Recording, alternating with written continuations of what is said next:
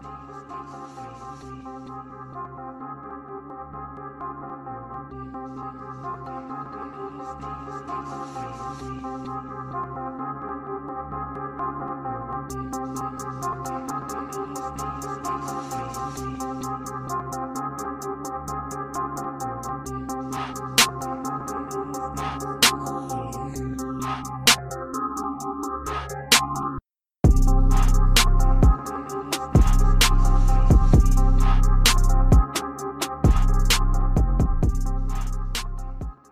Udało się, bo YouTube powiedział, że jesteśmy w ogóle w jakiejś czerwonej strefie. Cześć czołem. Yy, dzisiaj może trochę krócej, tak. To jest yy, właśnie jest kłopot z tym podkładem, bo ja mówiłem, że będzie nowy i to jest chyba nowy, natomiast Bartek z racji tego, że chodzi do szkoły jeszcze, nasz producent, zapomniał mi wysłać paczkę z większą ilością, także może w tym środowym albo w czwartkowym będzie inny. Yy, zanim przywitam Karola i będzie sektor tatuśka, to wielki shoutout dla Wiktora, że yy, naprawił tło i naprawił. No zrobił, bo tam to ja zrobiłem trochę i nie dostaniecie padaczki przede wszystkim. To jest spoko. Nie wiem, Karol, czy ty to widzisz, ale chyba wygląda całkiem nieźle. Tak, widzę, jest to bardzo duży upgrade w porównaniu z zeszłym. Przede wszystkim ludzie nie dostaną padaczki. No, ja ze swojego tworu jestem dumny, ale, ale faktycznie było czojebny. Dobrze, Karol, nie przedłużając, bo dzisiaj będziemy chyba tak standardowo, może nie standardowo, ale standardowo jak na sezon chcemy zrobić y, trochę krócej. Więc Karol, sektor tatuśka, jaki jest z tego tygodnia? Coś się wydarzyło, Karol? Niestety nic się nie wydarzyło. To znaczy, nie, no, dzieje, to niemożliwe. Dzieją się jakieś rzeczy, Karol. dzieją się rzeczy, ale, ale, ale nie takie, o których można powiedzieć. Znaczy nic, A. niczego nie zatajam, ale nie wydarzyło się coś takiego, o czym warto opowiadać. No, żyjemy sobie z dnia na dzień, uśmiechamy się. No, dla mnie to jest e, fajne jest to, że, że jest uśmiech, taki świadomy uśmiech, nie taki już taki, nie wiem e, czym spowodowany, tylko taki e, w reakcji. Aha, że wyczuwa już, że jesteś debilem, który będzie go woził, zmieniam pieluchy i on będzie mógł robić wszystko przez najbliższe, no, do pięciu lat powiedzmy. E, Tak, I, I już wie o tym, że, że, że ma nad tobą przewagę psychiczną. Zgadłeś. To, to już jest ten moment, Karol. To już jest ten moment. Jak przygotowujesz dziecko do startu sezonu? Nie śpimy w nocy. Nie śpimy? No, Ale, ale go budzisz, to, to, jest, to jest nasz trening camp. Nie, sami się budzimy. Aha, rozumiem. Dobrze, Karol. A, właśnie, Grzesiu, bardzo cię pozdrawiam. Możesz się odzywać szybciej, że ty to ty, a nie już podczas tak bardzo interesującego meczu. Przecież oglądaliśmy obaj, był bardzo interesujący, zwłaszcza w drugiej połowie. Yy, co ja chciałem jeszcze powiedzieć? Zaczniemy chyba od newsików, Karol, bo potem sobie zrobimy kryształową kulę. W newsikach chyba będzie jedna smutna wiadomość na temat Texa Wintera, że odszedł. 96 lat, niektórzy mówią, że jak już dochodzi do takiego wieku, to już nie ma wyjścia. Ale 96 lat, Tex Winter niestety no, może trochę odchodzi ten etap koszykówki, tak symbolicznie, e, bo trójkątów już się tak za specjalnie nie gra, albo jak się gra w takiej jednej drużynie, to potem szybko się z tego ucieka i, i zawodnicy uciekają z tej drużyny, bo nie potrafią go nawet narysować. E, Karol, jak myślisz, jak bardzo to wstrząśnie koszykówką, mimo że się nie gra już trójkątów praktycznie, albo się je mutuje dosyć mocno? Pytasz, czy śmierć Texa Wintera wstrząśnie koszykówką, czy ogólnie schemat? Nie, myślę, że to idzie, nie, myślę, że to idzie jedno z drugim. W sensie, że wiesz, no, ten gość, który to w jakiś sposób, nie, nie mówię, że wymyślił, ale wdrożył do takiego, no, do takiego sposobu, że weszło to do takiej jednej drużyny, gdzie grał łysy i to się zawsze Jasne. udawało. E, to też Wiesz co? zakopane jest w jakiś sposób. No. Zdania, zdania co, do, co do tego sposobu grania w koszykówkę, tego rodzaju spacingu, atakowanie trójkątem, zdania są podzielone na ten temat, bo krytycy tego systemu mówią, że fajnie gra się trójkąty, jeśli na wierzchołkach trójkątów masz Jordana, Pippena, Kobiego i Szaka. I po części jest dużo w tym prawdy, bo e, drużyny, które grały nominalnie i podstawowo trójkątem, nie zdobywały mistrzostw. Za wyjątkiem Bulls, Jordana i, i Lakers, Szaka i Kobiego. Więc coś w tym jest, ale prawda też jest taka, że, że pewne wariacje na temat trójkąta, jakieś jego hybrydy, gra bardzo dużo zespołów, łącznie z Warriors, Steve'a Kera, który wyszedł z tej szkoły Texa Wintera z Chicago Bulls. Więc żeby nie zagłębiać się za, za bardzo w to, no bo, no bo na temat atakowania trójkątem napisano książkę, sam Tex Winter napisał książkę, więc można by tu poświęcić cały tydzień na rozmawianie o, o jego wyższości lub niewyższości nad innymi sposobami. To było jakieś nowe spojrzenie na koszykówkę i to, to, to dało początek pewnej odnodze myśli trenerskiej. I tak jak powiedziałem wcześniej, co do zasady jakieś schematy, jakieś hybrydy, jakieś y, filozofie, które czerpały z trójkąta, możemy obserwować, możemy obserwować w filozofiach gry różnych trenerów, bo, bo co do zasady jest to słuszne i jest to dobre, bo chodzi o dobry spacing, o, o ruch piłki. Ale wiesz, jeszcze raz, mistrzostwo zdobyły tylko dwie drużyny, które grały, grały trójkątem, więc... Ale wiesz, to też dotyczy tego, że no Winters był nie wiem, no Hall of Famerem NBA na pewno, ale chyba w dziesiątym też został uczelnianym Hall of Famerem. Tak, w sensie tak, NCAA. I no tam w 2000, nie pamiętam, 8 albo w 9, no jakoś tam wrócił do tego wszystkiego, no i niestety pojawiły się jakieś już kłopoty wtedy ze zdrowiem, chyba jakiegoś, nie wiem, e, wylewu dostał czy coś takiego, nie wiem, albo kłopoty z sercem, nie pamiętam, tak, ale tam była takiego. taka sytuacja. I przede wszystkim chciałem powiedzieć o tym, że nawet obserwując to, wiadomo, no każdy tam, będziemy znowu wracać do lat 90., ale jest spaczony jakoś tymi czasami i pamięta nawet nie wiedząc o tym, że to był trójkąt i to było celowe zagranie, że ci zawodnicy zawsze się ustawiali w jakiś taki geometryczny sposób i działy się podobne rzeczy. Jakieś off rzeczy, wyciąganie centra i tak dalej, albo rzucanie z dystansu, no masa rzeczy. I tak naprawdę, gdyby zaobserwować to w koszykówce jakiejś takiej juniorskiej, to moim juniorskiej, młodszej, niezawodowej, no, NCAA powiedzmy jest nieza, niezawodowe, na pewno nie płacą, to bardzo duże pole do wykorzystania tego. No, no, nie powiem, że sam korzystam z tego, ale czasami najłatwiej jest chłopakom wytłumaczyć niektóre rzeczy, yy, mówiąc o tym, że wiesz, to jest trójkąt, jak to zrobisz i nagle, wiesz, wraca takie skupienie, że to jest jednocześnie proste, ale z drugiej strony tak kiedyś powszechnie używane. I kiedyś się wchodziło pod kosz, a teraz możesz po prostu podać do kogoś, kto tam gdzieś wybiega na łokciu i rzucasz truje, no i tyle. Także szkoda, no wielka tak, szkoda. Spacing, spacing to podstawa dobrej koszykówki, więc y, więc tak, jak, jakie by to nie było, czy to jest trójkąt, czy to jest y, rąb, czy cokolwiek, najważniejszy jest spacing. Szczególnie jak, jak, jak przychodzisz z młodymi ludźmi, zawodnikami do dużej hali, to znaczy, no wiesz, trenujesz zazwyczaj na pełnowymiarowych halach, a jeżeli masz halę, która jest, y, gdzie nie masz ścian, zaraz metr, metr od, y, od linii końcowej, czy od linii bocznej, bocznej boiska, masz wielką przestrzeń i wtedy zaburza się trochę perspektywa i ludzie świadomie lub raczej podświadomie skupiają się blisko piłki i wtedy trzeba wracać do tych prawideł, że dobry spacing to jest dobra koszykówka. No, powiem Ci taki mały insight, że od no, w zasadzie 6 lat można powiedzieć, ale początek Ligi Wiatrów był rozgrywany na dworzu. E, to no, na hali na koncertowej, gdzie w zasadzie gra e, Gim Basket, gdzie trzecioligowcy trenują i chyba też grają. Są rozgrywki amatorskie. Jeśli grają na cały kosz, w sensie na, na całe boisko, to jest ok Natomiast kiedy boisko jest podzielone na dwa sektory, no to trójka jest taka, że e, Poldek miałby kłopoty, żeby na rogu nóżkami stanąć i oddać trójkę, nie stojąc na aucie. No widzisz, a już nie mówiąc KD. Więc wiesz, rysując jakiekolwiek zagrywki, ja od razu ograniczam boisko, że tak naprawdę prawa i lewa strona kończy się na trójce.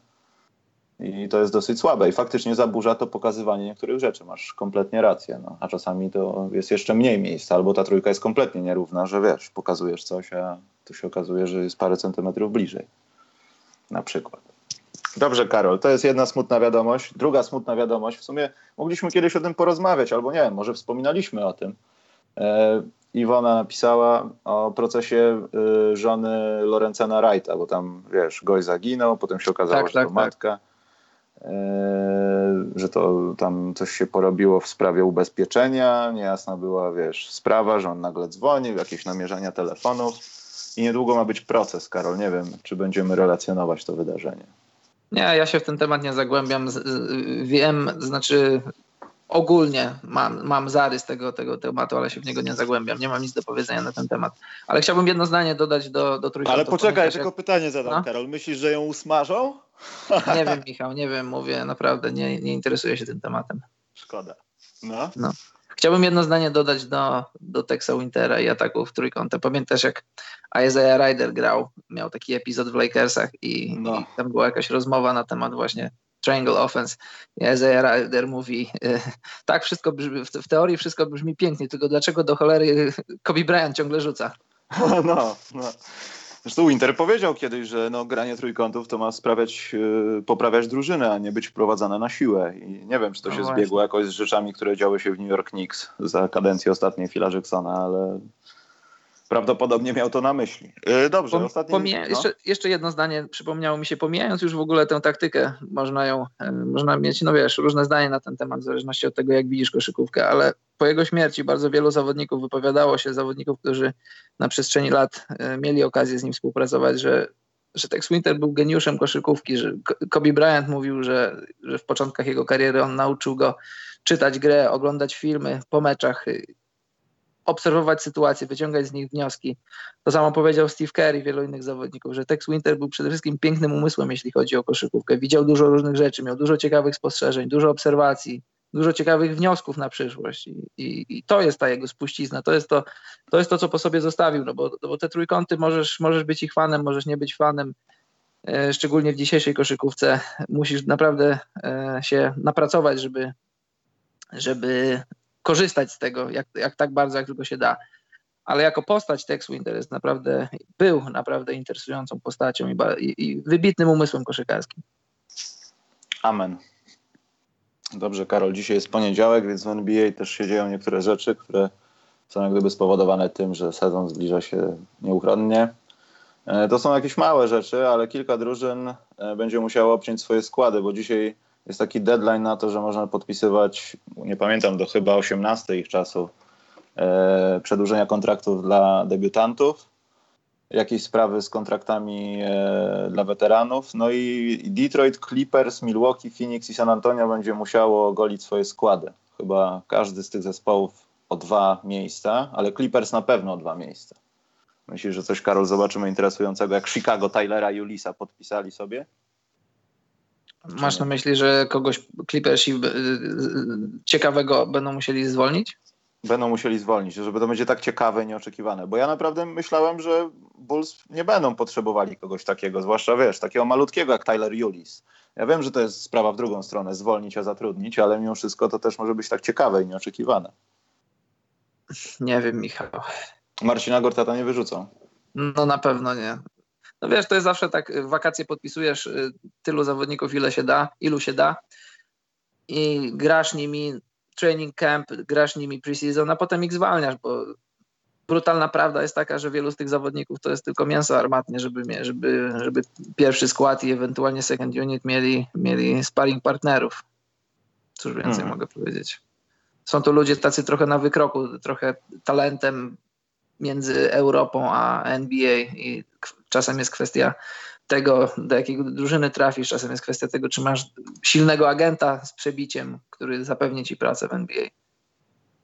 Iwona, ja wierzę, że ją smażą. Jak można było coś takiego zrobić? Mimo wszystko wierzę w to. Yy, więc tak, Karol, jak najbardziej masz rację. Tylko wydaje mi się, że na przykład już pozostawiając Clippers, to już Detroit też tam, nieważne co tam się dzieje, kompletnie mnie to nie interesuje, szczerze mówiąc. Pozdrawiam Maćka Staszewskiego.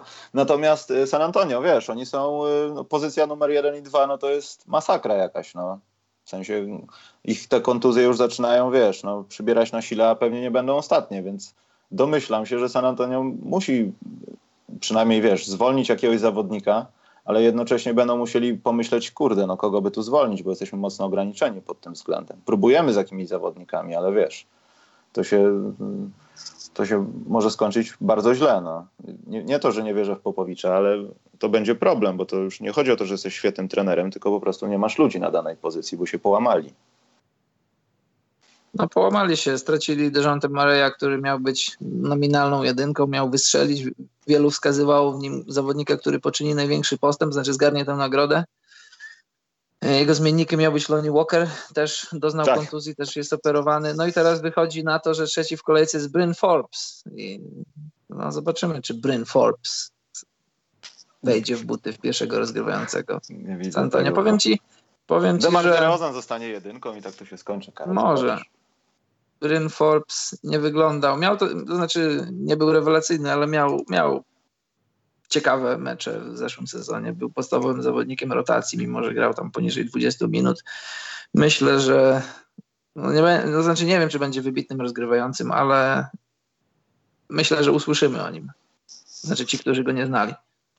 Usłyszymy, myślę o wielu nazwiskach, których nie słyszeliśmy, jeśli chodzi o grę San Antonio w tym sezonie. Tym bardziej, że nazwisko Forbes jest znanym nazwiskiem.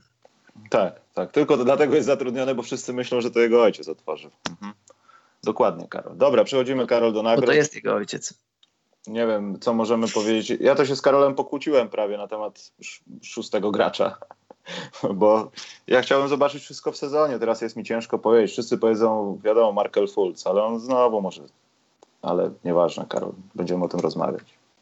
Więc od jakiej, Karol, nagrody zaczynamy? No, zróbmy MVP na końcu. Tak? A zacznijmy od, od jakiej chcesz. Nie wiem, to ty od jakiej chcesz, a ja tu zorganizuję, żeby było widać i żebyśmy zapisywali to. Decyduj, no zacznijmy, zacznijmy od obrońcy roku. Dobrze. Więc? Więc ja stawiam, mam powiedzieć od razu na kogo stawiam, czy kogo nominuję mniej więcej? Ko powiedz kogo nominujesz i na kogo stawiasz. Dobrze. No to tak stawiam. się pokryjemy pewnie. Nominuję tak, Draymond Green, no to jest tak zwany no-brainer. Warriors na pewno będą dobrze bronić, Draymond będzie, będzie dyrygentem tej, tej, tej obrony i na pewno będzie jednym z kandydatów do, do tej nagrody. Ale Horford, spodziewam się, że Boston zagra świetny sezon, wybitny sezon, może nawet grubo ponad 60 wygranych meczów, a tam, gdzie są wyniki, tam też są nagrody indywidualne. Celtics dobrze bronili w zeszłym roku, ogólnie Celtics dobrze bronią pod Bradem Stevensem, Al Horford też był e, kotwicą tej obrony, więc tam, gdzie będą wyniki drużynowe, tam też będą wyniki indywidualne, więc Horford... Prze poczekaj Karol, przerwę ci na no. chwilę. Z Horfordem też może być to samo, że w zasadzie wiesz co, wszyscy go, ci ludzie, którzy go nominowali, e, a potem musieli czytać jakoś w mediach, o Boże, Al Horford, e, byli zdziwieni dlatego, bo nie oglądali Bostonu, bo Horford nie był aż taki super widoczny, wiesz. Nie biegał po pomocy ludziom, rozwalał typów pod tablicami. Musiałeś docenić te wszystkie atuty. I to też jest ważne, żeby może Horforda bardziej oglądać w tym sezonie, bo zauważyłem, że w zeszłym to dlaczego on jest najlepszym obrońcą, albo dlaczego tam jest. No, poglądaj prawda Boston, na więc... temat Prawda na temat Horforda jest taka, że jego gra, e, znaczy statystyki nie odzwierciedlają jego dobrej gry. Ja nawet w zeszłym sezonie miałem okazję z nim rozmawiać o tym, jak byłem w Toronto i Boston grał w Toronto. No i on też trochę nad tym ubolewał, ale powiedział w sumie, że, że zależy mu tylko i wyłącznie na, na do, dobru drużyny i już na tym etapie jego kariery, no fajnie byłoby dostać jakąś nagrodę, ale to nie jest, to nie jest jego cel nadrzędny. No i, no i taki jest jego styl, od lat taki jego był styl. W Atlancie był taki i teraz w Bostonie jest taki. Robi Al Horford świetną pracę, ale ona nie, nie, nie wyraża się statystykami, no bo wiesz, fajnie jest zebrać 17 piłek, stawlis między trzy przechwyty i trzy bloki i wtedy w statystykach to dobrze wygląda ale też tak jak mówisz, jeśli, jeśli oglądasz mecze Bostonu, to to doceniasz. Jeśli nie oglądasz i widzisz na przykład Horforda z dziewięcioma zbiórkami, jednym przechwytem, jednym blokiem, no to myślisz sobie, to znaczy różne rzeczy możesz sobie myśleć, może ci to umknąć nawet w, w gąszczu przeglądania statystyk. No ale taka jest prawda, że ten, kto ogląda mecze Bostonu, ten wie, kim jest, co znaczy Al Horford dla, dla wybitnej defensywy Bostonu. No i dobry przykład jest serii playoffów, to już zakładam, że, że fani oglądali, jak, jak Horford w zasadzie wyłączył Embida. Embida, jednego z najlepszych podkoszowych, potencjalnie Hall of Famera, wyłączył go w zasadzie, wyjął go z tej serii. To kogo, Karol, nominujesz? W sensie e, ja jeszcze mam, jeszcze, mam, jeszcze mam dwóch kandydatów. Mam jeszcze Antonego Davisa, wiesz, Anthony Davis to jest, y, no, nie muszę go reklamować, on się sam reklamuje, reklamuje go, go gra, no, no jest świetnym obrońcą. Czwórki, piątki, no to broni na co dzień, a, a może też momentami przez, przez, przez wiesz, switche, przez, przez wiele posiadań może, może kryć niskich zawodników.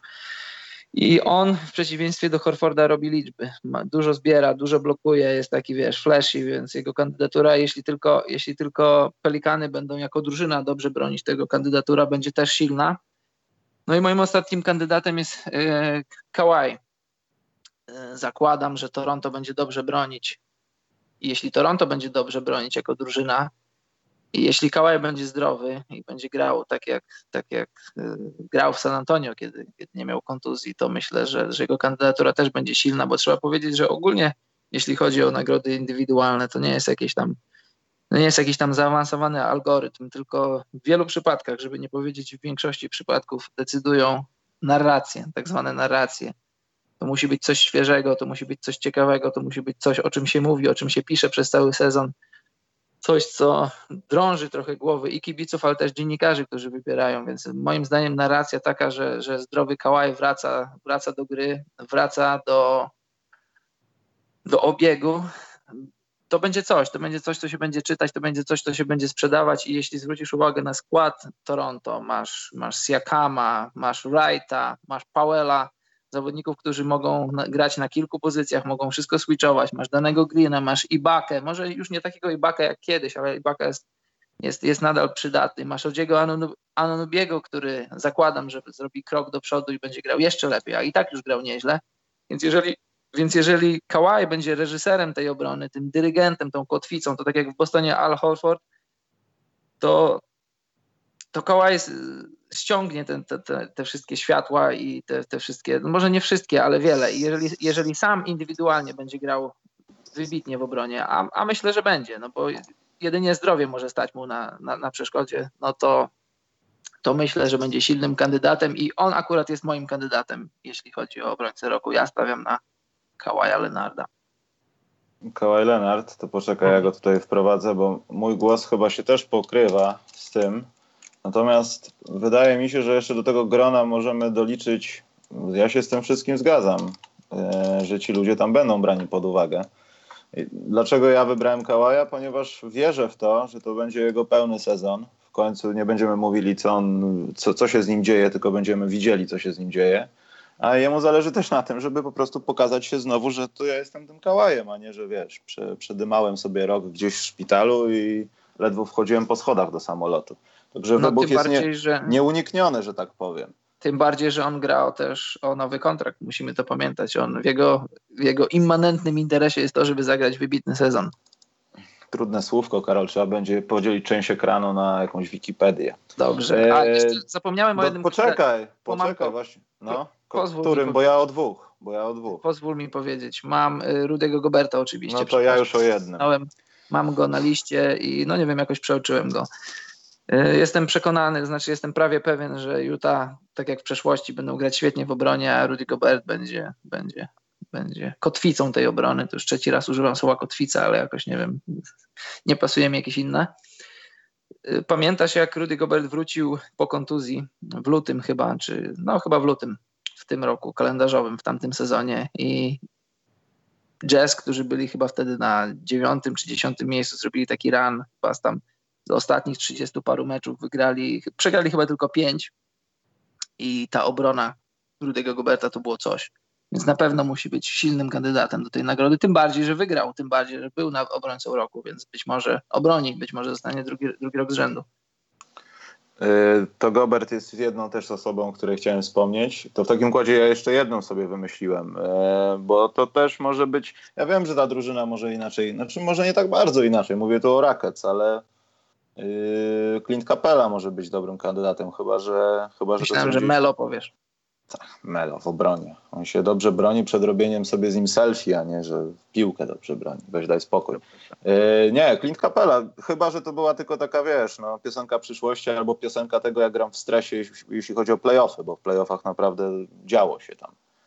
E, w sezonie też się trochę działo. A druga osoba, no to klasycznie Joel Embiid. Ja wierzę w to, że jak się rozkręci, to będzie biegał z jednej połowy na drugą, blokował wszystkich, zabierał ludziom alkohol, żeby nie prowadzili, wszystko będzie zabierał, bronił wszystko. Naprawdę będzie świetne. Tylko, że pewnie tak nie będzie bardzo. Poza tym wspominałeś o Draymondzie Greenie, tak czy nie? Tak. E, to też może być tak, że jak Golden State zwariują, jak już przyjedzie do składu zdrowy w 100% do Marcus Cousins, to on może być tylko z takich zachowań, że ja będę tylko bronił, wy tam się bawcie w tej ofensywie. Nie podawajcie mi piłki nawet. Ja będę tam terroryzował ludzi i kłócił się z Lebronem albo z kimś tam. Także to też może trochę zachwiać, ale wiem, że na koniec sezonu i tak na koniec sezonu, nawet w pierwszej połowie zostanie nam trzech kandydatów i będziemy prawdopodobnie, na pewno raczej chciałbym bardzo, ale wydaje mi się, że to jest bardzo prawdopodobne, żeby Kałaj tam był w tym gronie. No. Padają głosy, że DeAndre Jordan, Karol, ale ja, ja nie wierzę w to. Nie, ja też tego nie widzę. Znaczy, widzę, że Deandre będzie grał dobrze, bo pamiętajmy, że Deandre jest tylko na rocznym kontrakcie w Dallas, więc też w jego interesie jest, żeby zagrać dobrze i na pewno będzie bronił, będzie blokował, to będzie robił to, co do tej pory robił w Clippersach, ale nie wydaje mi się, żeby a Mavs byli w top 10 obrony, jeśli chodzi o drużynę. No i też potrzebujesz trochę wyników. I tak jak powiedzieliśmy, wydaje nam się, że Mavs są w stanie, nie wiem czy wejść, ale powalczyć o playoff i być plusową drużyną. Tak, nie jesteśmy tego do końca pewni, a, a zazwyczaj topowy obrońca pochodzi z drużyny, która jest naprawdę w czubie tabeli, jeśli chodzi o wyniki, jeśli chodzi o defensywę, więc wydaje mi się, że, że, że na pewno jakieś tam głosy zbierze Deandre, ale to nie będą, jego kandydatura nie będzie aż tak silna, tak myślę. Dobrze, to co następne? No teraz ty powiedz. Skoro Kała już dostał nagrodę.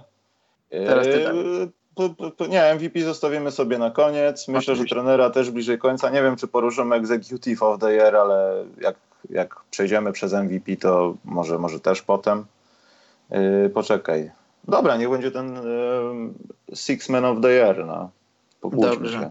To jest bez sensu dawanie nagrody, kiedy tak naprawdę wiesz o tym, że ktoś będzie na ławce, ale nie wiesz, jak będzie grał. To jest założenie, że ten gość co, nie wejdzie do pierwszej piątki. Ja wiem, że są goście jak Crawford czy ktoś tam, którzy wolą atakować. No. Jak kiedyś Ginobili, że wolą być w tej drugiej, drugim sektorze na ławce, który czeka, patrzy, wchodzi, wpierdzieli i można go chwalić i dostawać, dawać nie mu tę nagrodę. Nie wiem, Michał, jaki masz problem z antycypacją tej nagrody. No, to no jest mam tak problem. No, antycypowanie bo, jak każdej innej. Bo wiesz co, wierzę w to trochę. Ja wiem, że w warunkach NBA to jest niemożliwe, ale znaczy niemożliwe. Jest możliwe, ale nie zdarza się tak, że przewidzimy to i będziemy tacy bardzo clairvoyant jak Simons, ale wydaje mi się, że powinno to być według takiego ideału, wiesz, no mam pięciu pierwszopiątkowców i ławę i każdy z tej ławy może być szóstym zawodnikiem i to się okaże podczas gry, a nie podczas tego, kiedy my będziemy gadali jeszcze dzień przed sezonem, który trwa 82 spotkania i 7 miesięcy. Wiesz o co chodzi. No. No tak, no ale to cała idea tych predykcji taka właśnie. Ja wiem, ale z tą nagrodą zawsze problem miałem jakiś taki. No, no dobrze, no to, to ty zacznij. Czy ja mam zacząć? Eee, wiesz co, ja kandydatów może mam dwóch takich mocnych, ale to też tak nadziejowo, może jeden nie nadziejowo, tylko patrząc na to, co jest w tej drużynie, to faktycznie tak może być. Tylko też nie do końca, no bo e, mówię tutaj o mm, Los Angeles Clippers i Lou Williamsie. No, sytuacja w Clippers mhm. może być taka, że Lou Williams może po prostu musieć wylądować w pierwszej piątce. Może nie być wyjścia. Bo no, po kilku meczach być... Tak. sezonu tak. okaże się, że wiesz co, jednak wolimy sobie zamienić tutaj ofensywę, a dopiero potem, żeby ktoś defensywny wchodził na tej pozycji z ławki ale jeśli to się nie zmieni, no to ofensywa Williamsa może spowodować to, że Clippers będą lepsi, a poza tym no, on będzie produkował sobie nadzieję na następny kontrakt. No i to wszystko.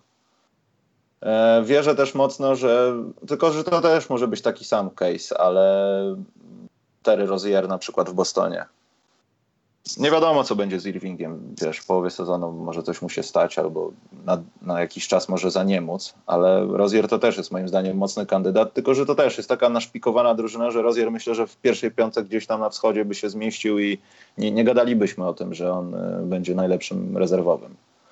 I nie wiem, że to powiem, będę kaszlał, jak będę to mówił, ale Fred Van Vliet, mimo wszystko, Karol, Dobrze to tym bardziej on może potwierdzić to, co pokazywał w zeszłym sezonie. No. W sensie tą jego aktywność, którą i tak no, śmialiśmy się głównie z niego, ale na koniec dnia patrzyłeś w Basketball Reference i ty, no nie było tak najgorzej. I to chyba taka trójka moja. A kto to wygra? Nie wiem, jeśli tak będzie z Clippers, to naprawdę Lou Williams może to zabrać. Jeśli tak z nim będzie.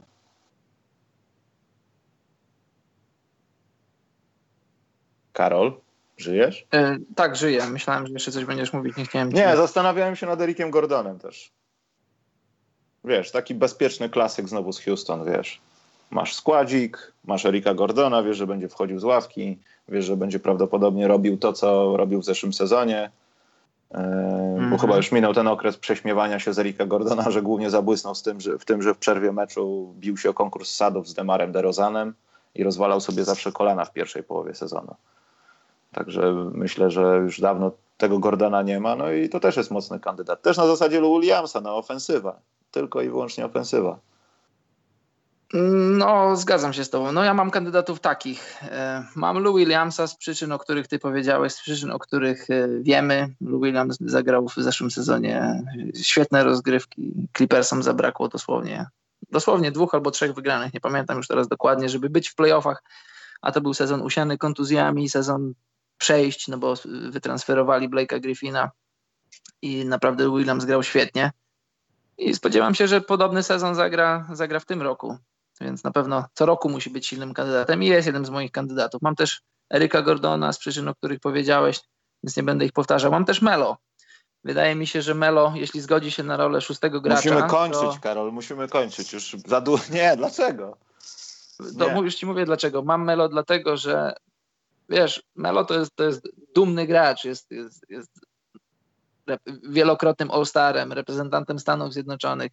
i w ogóle człowiekiem z rozbudowanym ego, więc jeżeli z przyczyn takich, a nie innych przypadnie mu rola szóstego zawodnika i jeśli on będzie wiedział, a pewnie będzie wiedział, chyba nie jest głupi, że, że pierwszej piątce, że Melo w pierwszej piątce to już jest historia, no to może postawi sobie za cel, żeby być szóstym graczem, a będzie miał ku temu okazję.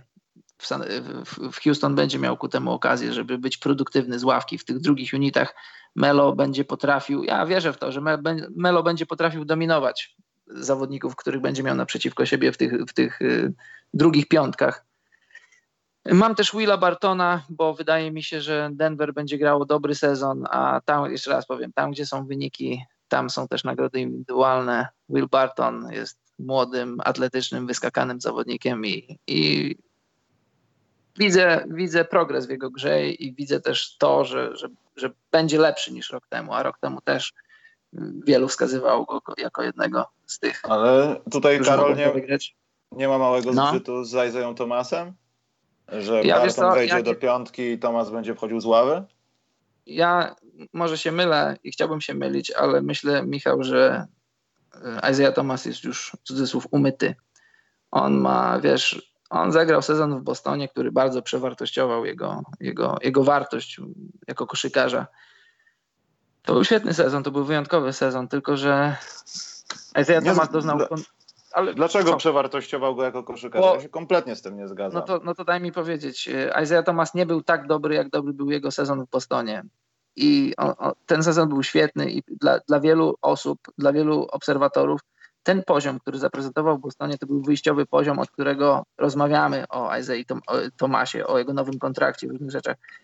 E, moim zdaniem Isaiah Thomas nie był tak dobry, a jeśli dodasz do tego bardzo poważną kontuzję, operację biodra i wszystko to sumujesz razem, to wyjdzie ci obraz, który mi się kreuje, może, może ten obraz jest błędny, że, że to już nie jest 100% Isaiah Thomasa zdrowotnie, którego miałeś w Bostonie. To jest jakieś nie, oczywiście, ale 80, ja... 80. I poczekaj, jeszcze no, tylko konkludując, Sezon, który zagrał w Bostonie, to nie był sezon, y, który pokazywał prawdziwą wartość y, Isaiah Thomasa, tylko z różnych przyczyn wyniósł go kilka poziomów w górę, a tak naprawdę on do tego poziomu nie należy. Jeśli dodasz do tego, że wraca po poważnej kontuzji, a ja nie widziałem oznak, nie widziałem oznak ani w Lakersach, ani w Cleveland, że, że po tej kontuzji wrócił i znamienne jest to, że też rehabilitował się te, w te wakacje, to, to nie, wierzę, nie wierzę w fizyczność Isaiah Thomasa a tak niski zawodnik, tak zawodnik niefizyczny musi bardzo opierać się na swoim, na swoim atletyzmie. On ma ten atletyzm, on nie jest duży, ale atletyzm ma na swojej szybkości, na swoim minięciu, a chyba nie muszę nikomu mówić, że potrzebujesz do tego zdrowych bioder. Wszystkie, wszystkie krosy odkładają się gdzieś tam w stawach. Pięknych łydek.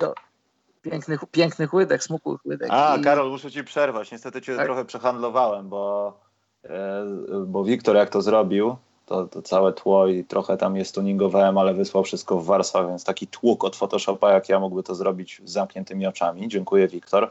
Yy, obiecałem, że będziesz podziwiał jego łydki, bo Wiktor powiedział, że dużo chodzi ostatnio, a ty masz jakąś fiksację z łydkami podobno też. No, ale, ale yy, tylko Także... takie na... Ale ja, poczekaj, ja podziwiam tylko te na najwyższym poziomie, te takie, wiesz... Yy graczy NBA, zawodowych Ale to od razu dlaczego Wiktor gorsze ma mieć? Co to? No, no, to nie ma problemu, niech pokaże. Ale mimo wszystko cię sprzedałem trochę, Karol, przepraszam. No ale widzisz, jakie są efekty tego. No. Nie ma problemu. Nie do końca rozumiem o co chodzi, ale nie ma problemu. No, to nawet Dobra. lepiej. lepiej nawet. Zamykając, zamykając temat, to miałem Willa Bartona, już wiesz dlaczego ponad Tomasem. Mam też Kuzmę, bo no bo wiesz, bo w Lakersach będzie się działo i Lakersi będą mieli narrację, jeśli Kuzma będzie grał z ławki, a pewnie będzie. Chociaż ciężko powiedzieć, jak to będzie wyglądało z rotacją, ale zakładając, że będzie wychodził z ławki, będzie robił tych swoich 16, 17 czy 18 punktów, to siłą rzeczy musi być silnym kandydatem. Ale moim kandydatem, na którego ja stawiam, jest kandydat, który nazywa się Terry Rozier. Powtarzam to, co powiedziałem na początku. Zakładam, że Boston zagra świetny sezon że wygrają, że, że 60, że pęknie próg 60 wygranych. A tam, gdzie gra się takie sezony, tam też są nagrody indywidualne i myślę, że Terry Rozier jest w stanie to zrobić. Ostatnie playoffy pokazały, że Teremu należy się pierwsza piątka w jakiejś drużynie w NBA. Niekoniecznie w Bostonie, no bo masz Kyriego Irvinga. I Terry Rozier gra o nowy kontrakt i w jego interesie jest, żeby, żeby zagrać wybitny sezon. I te, a też w interesie Bostonu jest to, żeby, żeby Kyrie Irving był zdrowy, zdrowy na playoffy. Jaki jest Kyrie Irving, wszyscy wiemy, a teraz wiemy, że musimy mieć go zdrowego na playoffy.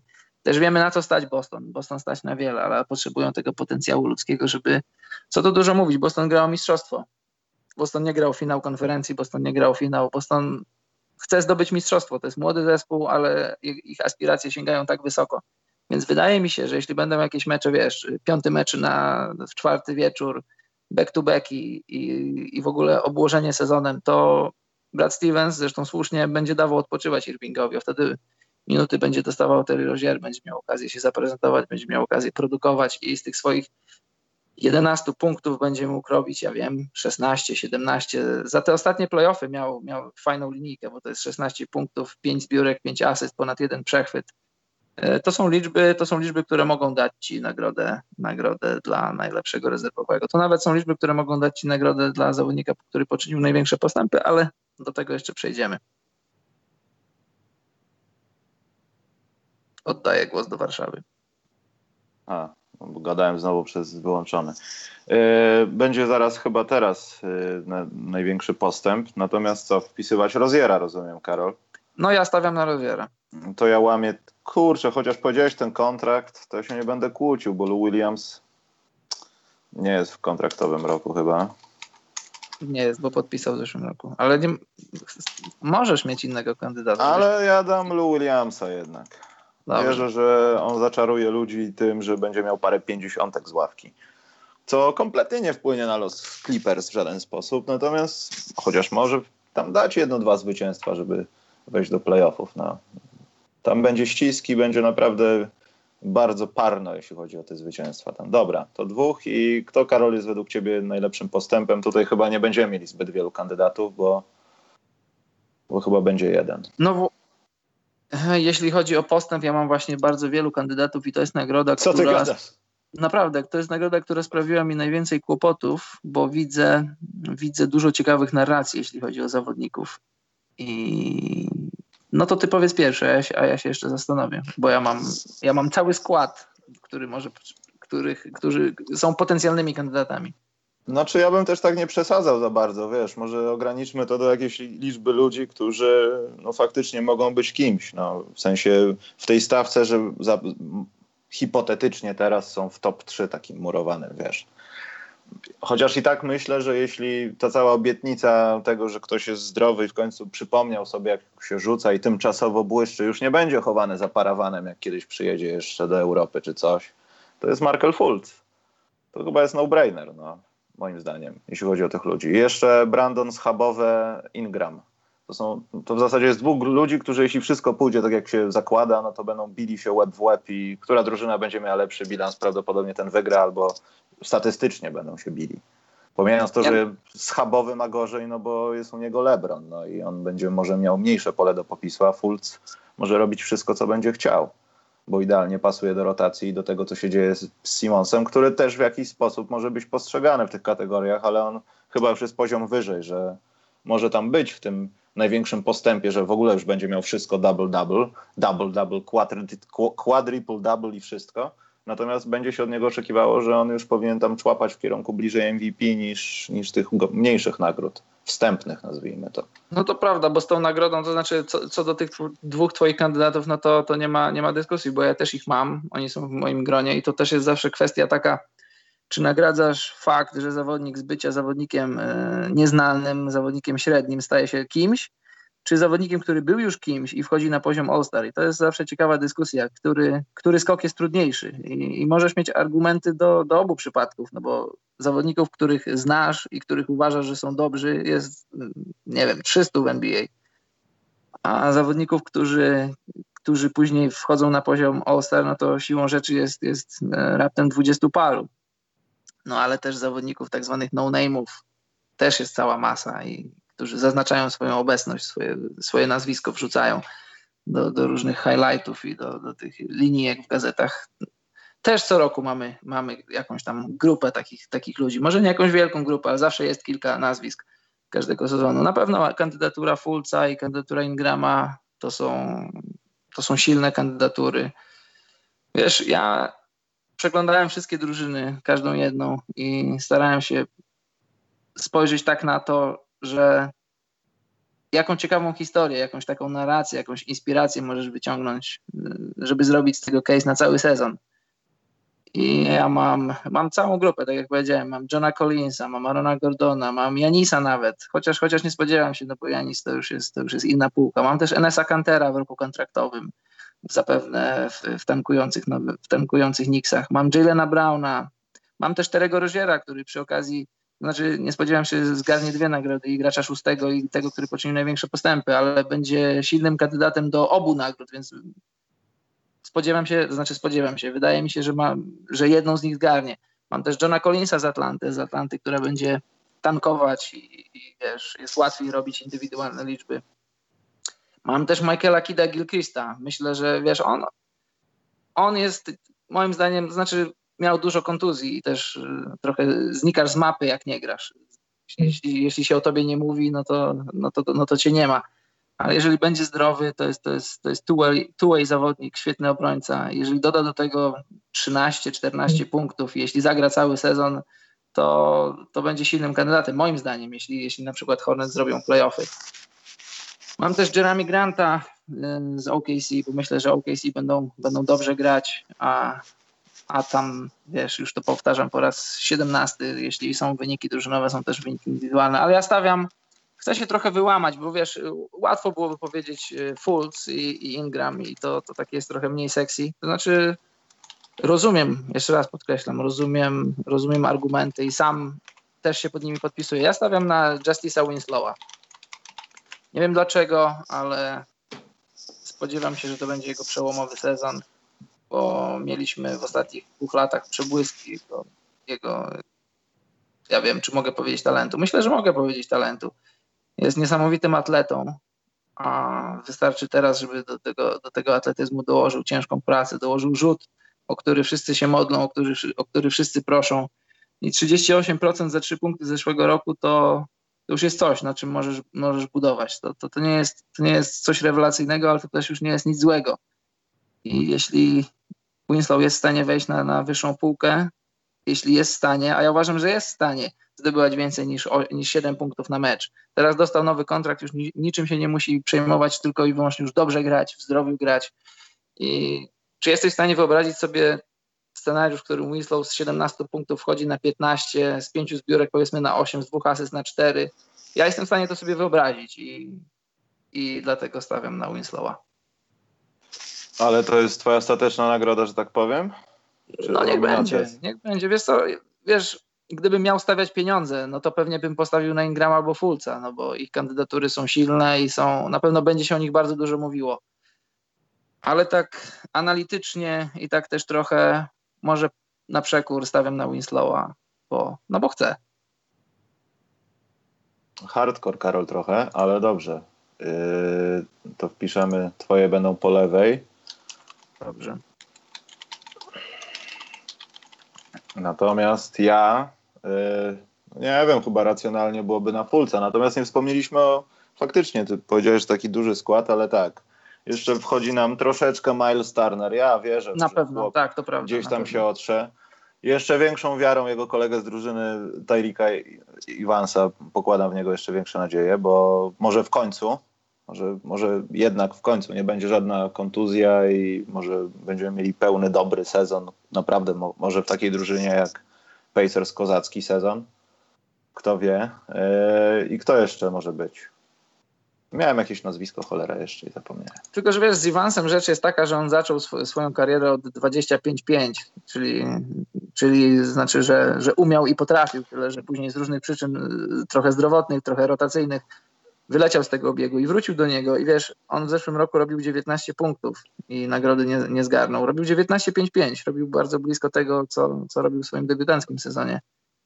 Więc żeby wejść na mapę tych narracji, w których zaczęlibyśmy mówić o nim, patrzeć na niego w ten sposób, myślę, że byłoby mu trudno. To znaczy, yy, zgadzam się z tobą, że, że w takim szerokim spojrzeniu może być jednym z kandydatów, ale myślę, że jego szanse, żeby to wygrać tak realnie, nie są aż tak duże, bo, bo on już na jakimś tam poziomie jest, a z różnych przyczyn z niego spadał.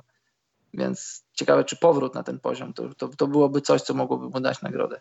A poza tym są jeszcze takie dwie małe, y, to a propos tego, co San Antonio, y, w San Antonio się dzieje, te wszystkie kontuzje, a zwłaszcza Mareja, mogą spowodować, no Derek White. Nie ma dużych szans na to, ale w jakiś sposób, no nie wiem, nie pamiętam, 24-25 lat czas najwyższy, a jeśli masz okazję, tak, tak.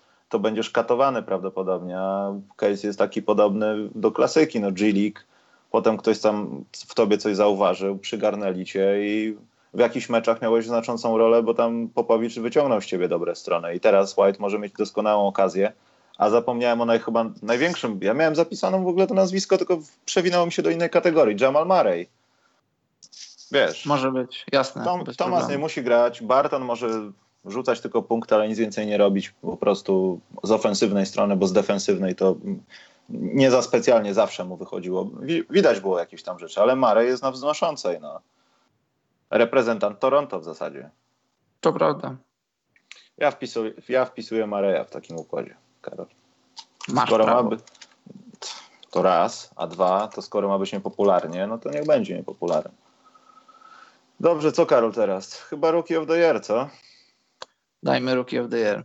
No to nie wiem.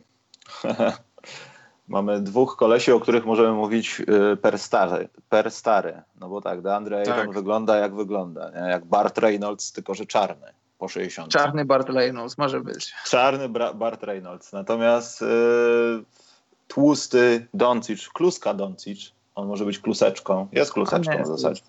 Jest kluską. Wygląda jak nie wiem jak to. Jak ten z Bostonu, jak on się nazywał, ten kolega Pierce'a. Antoine Walker, o. Antoine Walker. On jest taki tłuściutki trochę. No ale nie jest gruby, ale jest taki kluskowaty. No nieważne, Doncic no, też jest w kategoriach starych, no bo już to będzie kolejny jego za, rok bycia zawodow, zawodowcem.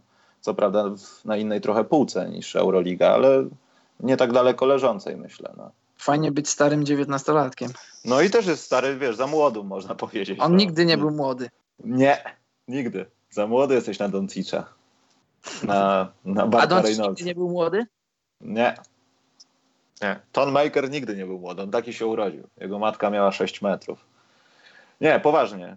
Y, ktoś wchodzi do tej dwójki, czy sugerujemy się tym y, czymś, co zaoferowali zawodnicy NBA, ostatnio się tak rzadko mylili, czyli Wendell Carter albo ktoś inny? To jest dobre pytanie, bo ja też mam ich dwóch jako, jako zawodników na czele tego wyścigu a dalej możesz sobie dodać kogo chcesz. Wiesz co, ja myślę, że, że Kevin Knox pokazał się w Summer League z dobrej strony i wiesz, to jest Nowy Jork, to wszystkie dobre narracje będą mnożone razy 10, bo tam masz skupione media zajmujące się NBA i jeśli tylko, jeśli tylko są jakieś pozytywy, jakieś promyki nadziei w Nowym Jorku, to wiesz, że to jest, to jest rozdmuchane i pomnożone przez 10, więc Kevin Knox na pewno będzie miał dobrą prasę. Jeżeli będzie dobry basket, to będzie dobra prasa. Jeśli będzie dobra prasa, to będą narracje. Jeśli będą narracje, to będziesz w głowach tych, którzy wybierają. I to może być coś, to może być jego kandydatura. Tym bardziej, że spodziewam się, że Knicks będą tankować, chociaż wiesz, jeśli chodzi o ten klub, jeśli chodzi o Dolana, nigdy nic nie wiadomo.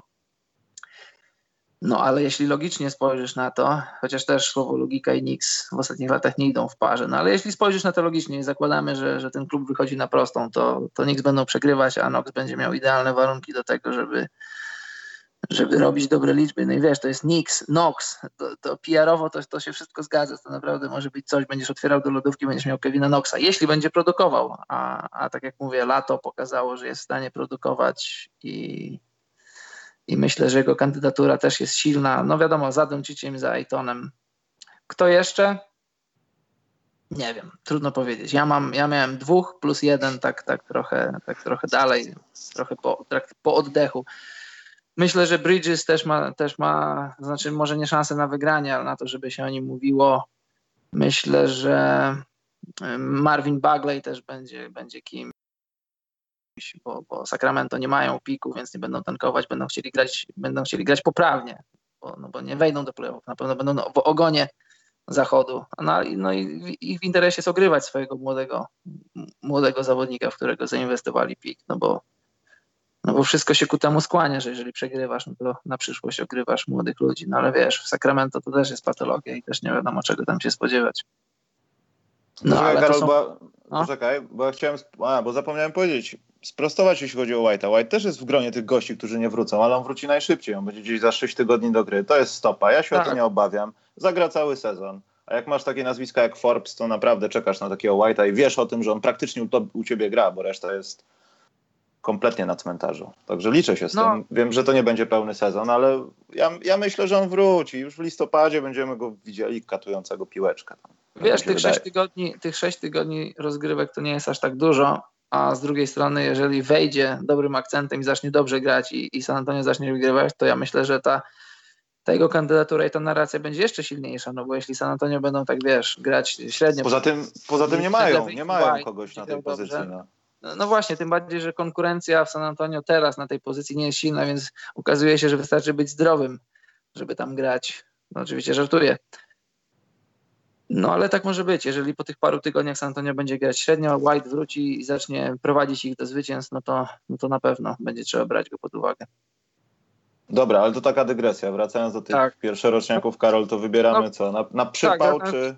Wracając do pierwszoroczniaków, no to tak jak powiedziałem, ja mam dwóch silnych kandydatów w osobach Doncicza i Ejtona i mam dwóch takich po lekkim oddechu. Mam Bagleya i Noxa, ale ostatecznie ja stawiam na, ja stawiam na Lukę Doncicza ja uważam, że to znaczy nie tylko ja, ja jako europejski kibic interesujący się NBA, ja wiem, co przynosi Doncic, wiem, jakiego rodzaju jest talentem i ja uważam, że wiele się będzie rozbijało o zdrowie, no bo historia uczy, że zawodnik przychodzący z Europy, szczególnie w tak młodym wieku, jest najzwyczajniej w świecie, może nie być w stanie fizycznie udźwignąć ciężarów sezonu.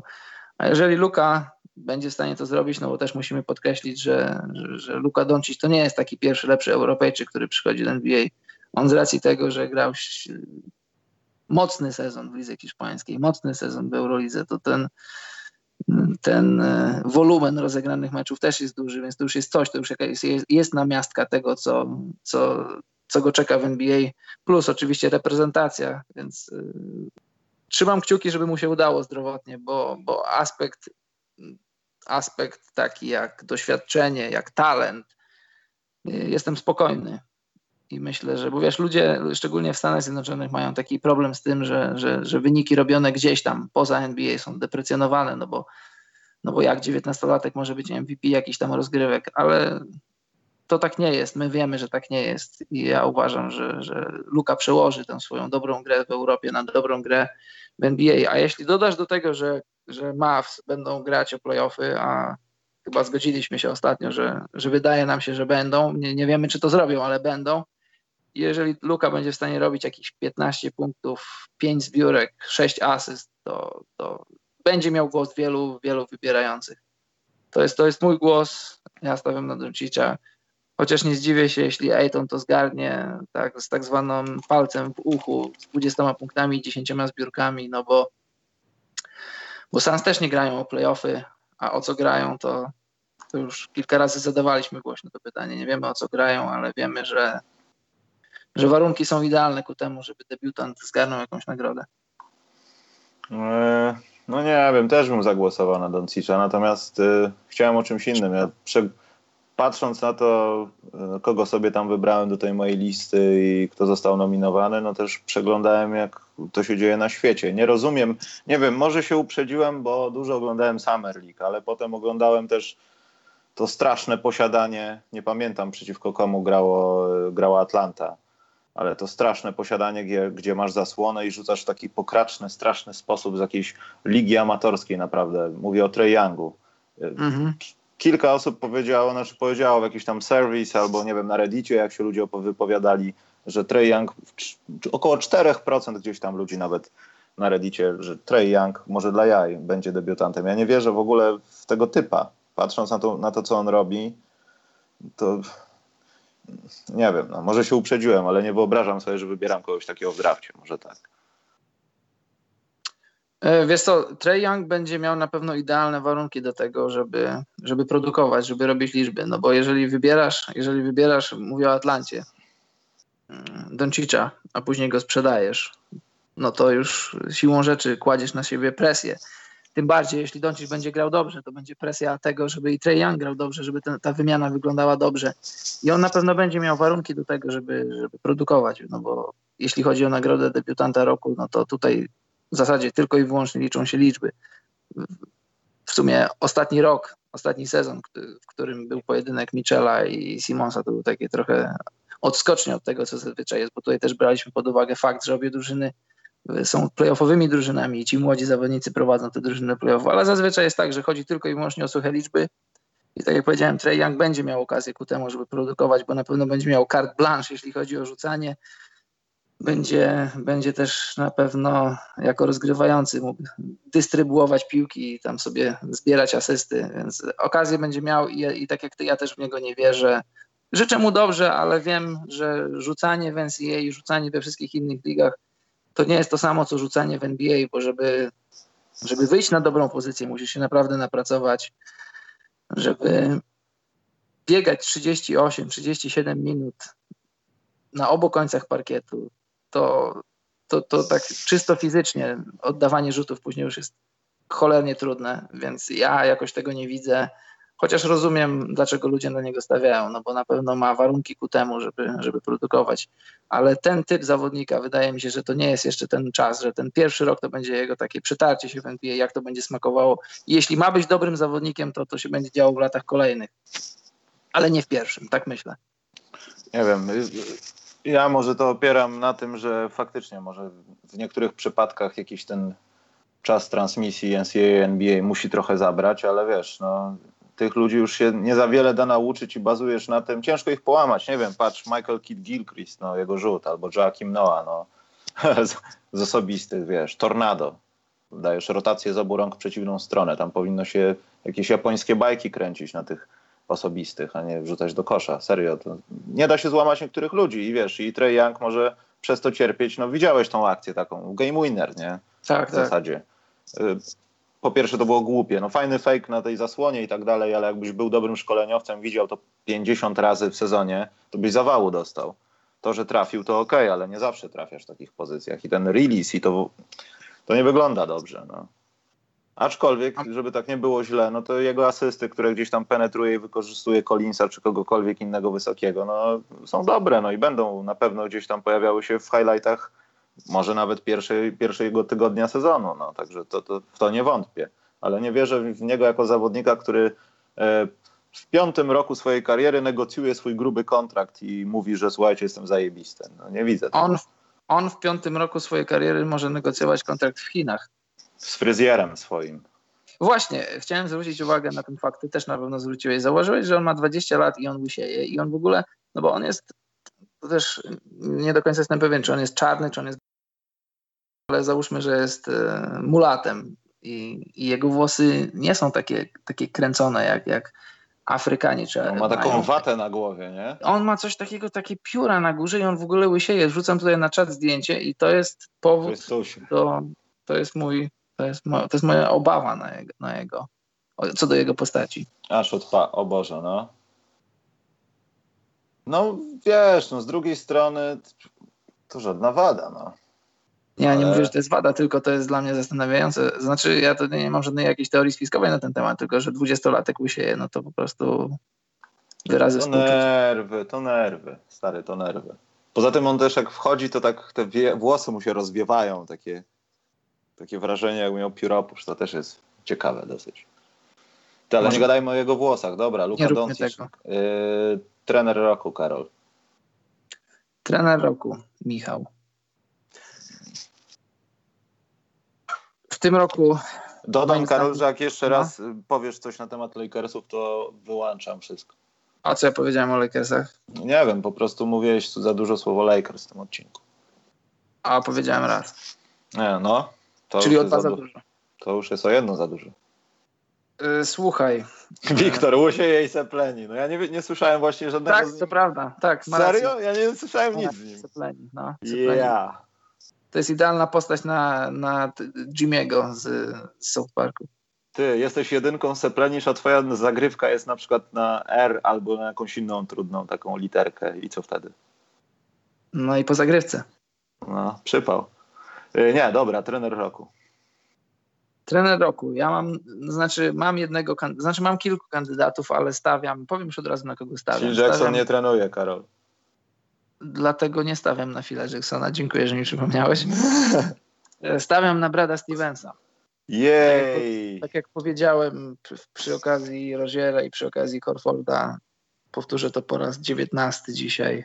Tam, gdzie są wyniki drużyny, tam są wyniki indywidualne. I jeszcze raz, spodziewam się, że Celtics wygrają ponad 60 meczów i to będzie coś, bo nie spodziewam się, żeby Rockets powtórzyli ten sezon, jaki mieli rok temu. Myślę też, że Warriors nie mają żadnego celu w tym, żeby się zażynać i, i, i wygrywać home court advantage, bo pokazali w ostatnich latach, że mogą wygrywać zawsze i wszędzie, więc to też nie jest ich celem. Tym bardziej w kolejnym już roku, w czwartym czy piątym grania razem i grania o mistrzostwo.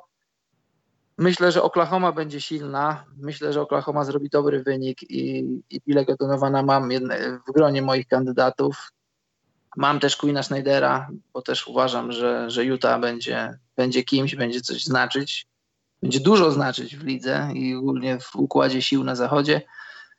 No, ale stawiam na Brada Stevensa, bo Celtics wygrają ponad 60 meczów i Brad będzie tym Bradem, którego znamy w ostatnich latach. Będzie świetnie rotował, będzie świetny po timeoutach, będzie, jego zagrywki będzie można kopiować i, i, i ich się uczyć.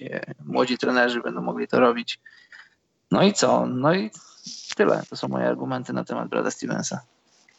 E, pierwszy mój kandydat, w którego nie chciałbym wierzyć i to się może tak skończyć, ale myślę, że liga jest za bardzo mądra na to, żeby tak zrobić. To jest niestety Luke Walton. Bo Myślisz? jeśli wydarzą się takie rzeczy, o których mówiliśmy, że schabowy będzie, wiesz, MIP mm, na przykład, albo niech będzie nawet szóstym tym graczem sobie E, MVP będzie wiadomo kto. Lakersi zagrają tak, jak się wszyscy spodziewają, czyli nie tak jak my, czyli że będą gdzieś w, tym, w tej połowie swojej konferencji, powiedzmy. No to zależnie od tego, jak będą lepsi, nie wiem, od Bostonu, a Boston zdominuje wschód, to też będzie ciekawa dyskusja, jak, jakie będą miały bilanse te dwie drużyny przez tą konkurencję. To kto wie, czy Luke Walton nie może, wiesz, na zasadzie wyciągnięcia gościa, który jest po prostu trenerem, bo nikt w to nie powinien wierzyć, że on będzie trenował tą drużynę. Ja to w ogóle zabraniam tak myśleć wszystkim. Bo fakty są takie, że jeśli coś się złego będzie działo, chociaż ten sezon to prze, przechodzony będzie, podejrzewam, tak po prostu, żeby sprawdzić nasze możliwości, kogo ewentualnie by w tym 19 ściągnąć, bo mamy potencjał tu i tu i ten wybór brakujących układanek, części układanki będzie w 19 w zasadzie decydowany, bo muszą zobaczyć, co się dzieje ze schabowym, co się dzieje z tym, co ma tego ojca, co już na mecze nie przychodzi, gdzieś na Litwie zaginął. Zależnie od tego, co będzie, no to trenera też trzeba będzie wybrać, w sensie no, osobę, która jest na ławce, bo LeBron będzie rządził tą drużyną. Będą sytuacje kryzysowe i to LeBron będzie znowu dar się na ławce i mówił wszystkim, co mają robić i słusznie. Nie to, że nie wierzę w doświadczenie Luka Waltona, no ale to jest taki trochę, nie wiem, nielubiany może w NBA albo w ogóle w w środowisku koszykarskim. Taki case gościa, który zawsze był na szczycie i tak naprawdę nigdy, no nigdy nie był postawiony w sytuacji, że buduje coś od podstaw. Tu się przepierdziałem z Golden, tu kogoś znam, tu byłem w Lakersach, wiesz. Ale tak może się stać. A drugą osobą to jest no, no ewidentnie Brad Stevens, chociaż ja bym stawił jeszcze Ricka Carlisle'a, aczkolwiek no, sytuacja Dallas może być taka, że playoffy to będzie wielki sukces, więc więcej będzie kandydatów i trzeba będzie wybrać po prostu lepszą drużynę. No.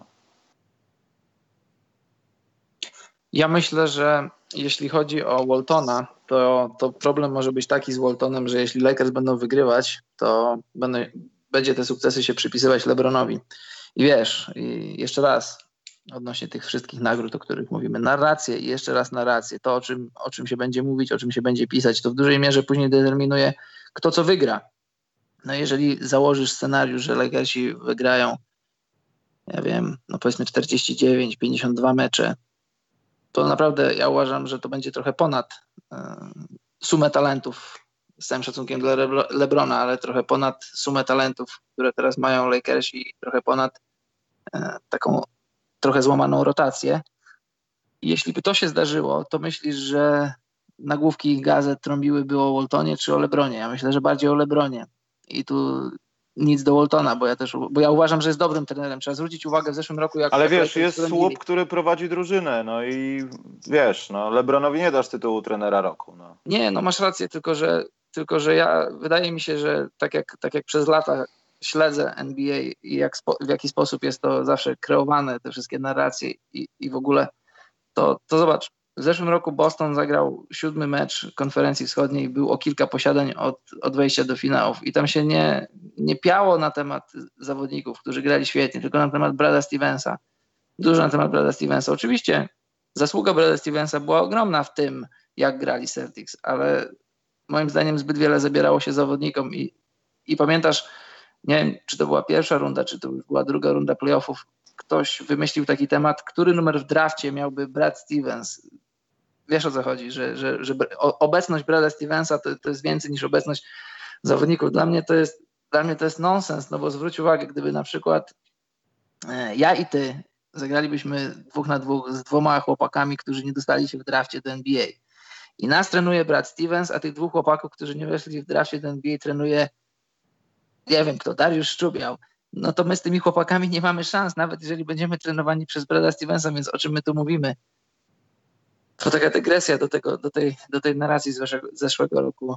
Więc, yy, więc wiesz, wszystko, znaczy może nie wszystko, ale bardzo dużo będzie się rozbijać o to, jak będziemy mówić i co będziemy mówić. I ja jeszcze raz powtarzam, zgadzam się z tobą. Luke Walton jest bardzo dobrym trenerem, też ale też uważam, że jeśli Lakers będą mieli... Nie powiedziałem, Karol, tego, więc nie możesz się ze mną zgodzić. Nie powiedziałeś? Powiedziałeś. Nie uważam Luka Waltona za bardzo dobrego trenera. No ale stawiasz na niego. Stawiam na taką możliwość, ale nie Rozumiem. to, że chciałbym, żeby Dobrze. ona znalazła swoje odzwierciedlenie. Wybacz, za... wybacz, że wkładam ci w usta słowa, których nie wypowiedziałeś. Proszę bardzo. No dobrze. W zeszłym sezonie, zobacz, Lakers grali tylko 35 meczów, ale mieli, mieli dobrą obronę. Trzeba o tym pamiętać. Trzeba mieć to na uwadze. Nie, no śmieję A... się, wiesz, Luke Walton nie jest idiotą. No. Na pewno nie jest debilem, który nie wyciąga wniosków z nauki, którą pobiera od lat. A ma to szczęście z drugiej strony, że on nie uczy się od gości, którzy a mamy bilansik kariery 140 do 110 i mamy po prostu słabe drużyny, trenujemy jakieś Milwaukee albo inne zespoły z dołu, z dołu tabeli, bo po prostu ktoś nas zatrudnia albo byliśmy tam asystentem. On miał to szczęście, że po prostu zaczynał i uczył się tego swojego fachu, nazwijmy to, yy, od najlepszych i od wygrywających no tak. wtedy, dominujących. No I jako zawodnik, i jako początkujący tak, no. Więc może pominął tą lekcję taką, wiesz, jak jest dół, no to w końcu musi być góra, u niego też w końcu będzie dół, bo to, co się wcześniej działo z Lakersami, to myślę, że on nie traktował tego jako dołu, tylko traktował jako to, że my zaczęliśmy budować dom i to jest fundament i dostałem sygnał od włodarzy, żebym się nie przejmował, tylko po prostu robił swoją robotę, bo mnie nie wyrzucą za to. Po prostu. Były tam jakieś dyskusje, czy może go wyrzucić, czy nie, ale mimo wszystko miał pewną pozycję moim zdaniem. Bo wiadomo, lepiej sobie kogoś wychować, niż szukać w nieskończoność kogoś, kto, kto będzie narzekał. Aczkolwiek to, co będzie działo się teraz z LeBronem, E, I to, w jaki sposób on to przetrwa, też może ciążyć na tym, czy Lakers będą potrzebowali lepszego trenera w 19, żeby no, zacząć robić to, co ma się dziać. No, ja myślę, że... tytuły tak. i mieć dynastię z siedmiu pierścieni. No. ja myślę, że to będzie bardzo ciążyć teraz na Wiltonie, no bo jak jeśli w zeszłym roku miał, miał nad sobą parasol tego, co by się nie działo w Lakersach, to nie będzie zwolniony tak teraz. Wiesz, jak jest z LeBronem przychodzi LeBron, przychodzą ludzie LeBrona i jeżeli, dajmy na to, Lakers w styczniu będą powiedzmy, ja wiem, 21, 29, to już zacznie się mówić tam w korytarzach, ludzie zaczną troszkę szumieć, czy by przypadkiem nie zwolnić Wiltona i wprowadzić kogo, no nie wiem kogo, kto jest teraz z tej karuzeli trenerów pierwszy wolny, taki, który... Stan Van Gundy. Stan Van Gundy, może, może David Blatt, nie wiem kto, ale, ale wiesz... Fred Hoiberg jest wolny, stary, ja mogę go oddać każdemu. Jeśli Dobrze. Odem, to mogę i Luke Walton, nie wiem, czy on o tym wie, ale on, on zaczyna sezon, no może nie zaczyna, ale on, to, to jego krzesło jest jeszcze nie gorące, ale już jest ciepłe. Bo pod Lebronem, no pod Lebronem musisz mieć wyniki, no co tu dużo mówić. Jeśli masz Lebrona w składzie, tym bardziej Lebrona już, już po, po złej stronie trzydziestki, no to zegartyka, to jest wsteczne odliczanie i masz, masz 4 lata Lebrona, z których ile lat będzie taki fizycznym prime, fizycznej dominacji. Chociaż jeśli chodzi o Lebrona i Prime, to są takie dwa słowa, które, które trzeba, których trzeba używać ostrożnie, no bo, no bo Lebron w swoim 15 roku zagrał być może najlepszy sezon w karierze, więc tak jak mówiliśmy to już nie raz, są Primy i są Primy Lebrona. No ale, ale Walton naprawdę może być na, na gorącym krześle i, i tyle, i kropka. Mm, czyli zgodnie dajemy Stevensowi, bo ja już pisałem, nie będę tego edytował. Dobrze. Przed MVP szybko zrobimy EOI, czyli Executive of the Year. Ja bym to nazwał e, pucharem na zachętę dla Marka z, e, Złotnickiego chyba, tak? Za zajęcie pierwszego miejsca. Wiemy z jakiego to filmu Karol jest, także... Mhm. E, nie wiem, czy pierwszy raz w tym, w tym może nie, nie, chyba to się nigdy nie wydarzyło, żeby nie rozdrabniać się w tej dyskusji, czy Magic, czy Pelinka, tylko dać organizacji Los Angeles Lakers. Tak teraz już Myśl... zaocznie mówię, bo wiadomo, do lutego może się stać kupa rzeczy, ktoś kogoś wyjmie i nie wiem, taki Boston albo nie wiem, no, w Bostonie ciężko kogokolwiek jeszcze bardziej wymieniać, ale gdzieś w jakiejś drużynie dojdzie do jakiejś może wymiany, która spowoduje, że będzie kompletne przekręcenie układu sił. Wątpię, żeby to się stało przed wakacjami, bo wszyscy tam czekają z torbami na pieniądze, po prostu. Takie torby jak Ruscy mieli w kratkę, że czekają na kilka takich reklamówek z pieniędzmi. Jest kilku Torby z Ikei. Tak, nie, to nie są z Ikei, to są te takie w kratkę. Takie, wiem, wiesz, takie w kratkę, tak, ale te z Ikei są podo, po, podobnego, podobnego rodzaju. Te niebieskie, nie? No. Tak, niezniszczalne. Product placement. Ikea może się odezwać do nas. Yy, no, więc yy, wydaje mi się, że może trudno będzie czegoś takiego szukać, ale jak na razie, no to chyba to, co zrobili już w wakacje Lakers, na samo sprowadzenie LeBrona i obudowanie nawet kretyńskim składem jak Stevenson albo Beasley, no zasługuje chyba na, na tą nagrodę. Dobrze, moim kandydatem, znaczy twój kandydat bardzo mi się podoba, ale moim kandydatem jest Masai Ujiri. Jeżeli wymiana DeRozana na Kawaja okaże się strzałem w dziesiątkę, jeżeli Kawaj będzie zdrowy i co ważne, jeżeli Kawaj będzie chciał zostać, jeżeli Raptors wejdą do finałów, a tam znaczy nie, nie spodziewam się, że zdobędą tytuł, ale jeśli wejdą do tych finałów, to, to dużo zasługa będzie nie tylko zawodników, to znaczy będzie dużo zawodników, ale też będzie tego, który, który był architektem tych zmian. I, i tutaj będą duże brawa do, dla Masayu Jiriego, że, że pociągnął za spust tej wymiany, która, która była niepopularna, która się nie podobała, bo DeRozan był ulubieńcem fanów w Toronto. No ale wiesz, jak będą wyniki, to DeRozanie może nie tyle, co się zapomni, co, co Kawhi będzie taką chusteczką na otarcie łez nowym rozdziałem, więc ja stawiam na, na Jirego. Dobra, to ja wklejam, ale z drugiej strony, jakby się tak zastanowić, to będzie, to, to teraz już jest na tych takich zasadach, kto kogo wy, wytransferował, na co się zgodził i do czego doszło w konsekwencji, no bo tego jeszcze nie wiemy, ale to będzie web w web. Myślę, że z kimś z Lakers. Ja nie wiem, czy Rob Pelinka, czy Magic Johnson będą postrzegani jako executive bardziej, mimo swoich funkcji pozornie innych na wizytówkach, no ale mimo wszystko ta dwójka może być brana pod uwagę, no, konkurencyjnie.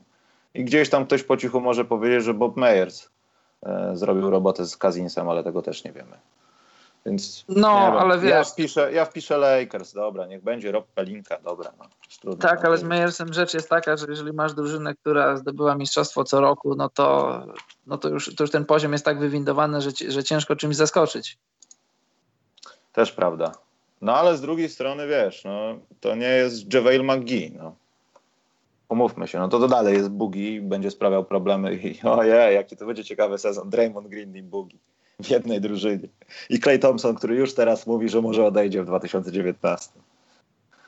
To jest taka, taka duża torba właśnie napchana pieniędzmi, która w końcu pęka i ten hajs się wysypuje gdzieś tam z tyłu, a ty biegniesz do pociągu Warszawa-Moskwa ze stadionu. Trochę tak to wygląda. Dobra, y, zanim będziemy mówili o MVP, to walcie jakieś pytanka, jak macie do nas, bo potem będziemy szybko spadać. Y, Karol MVP będzie w tym sezonie, znowu powiemy coś o Lakers pewnie. Myślisz?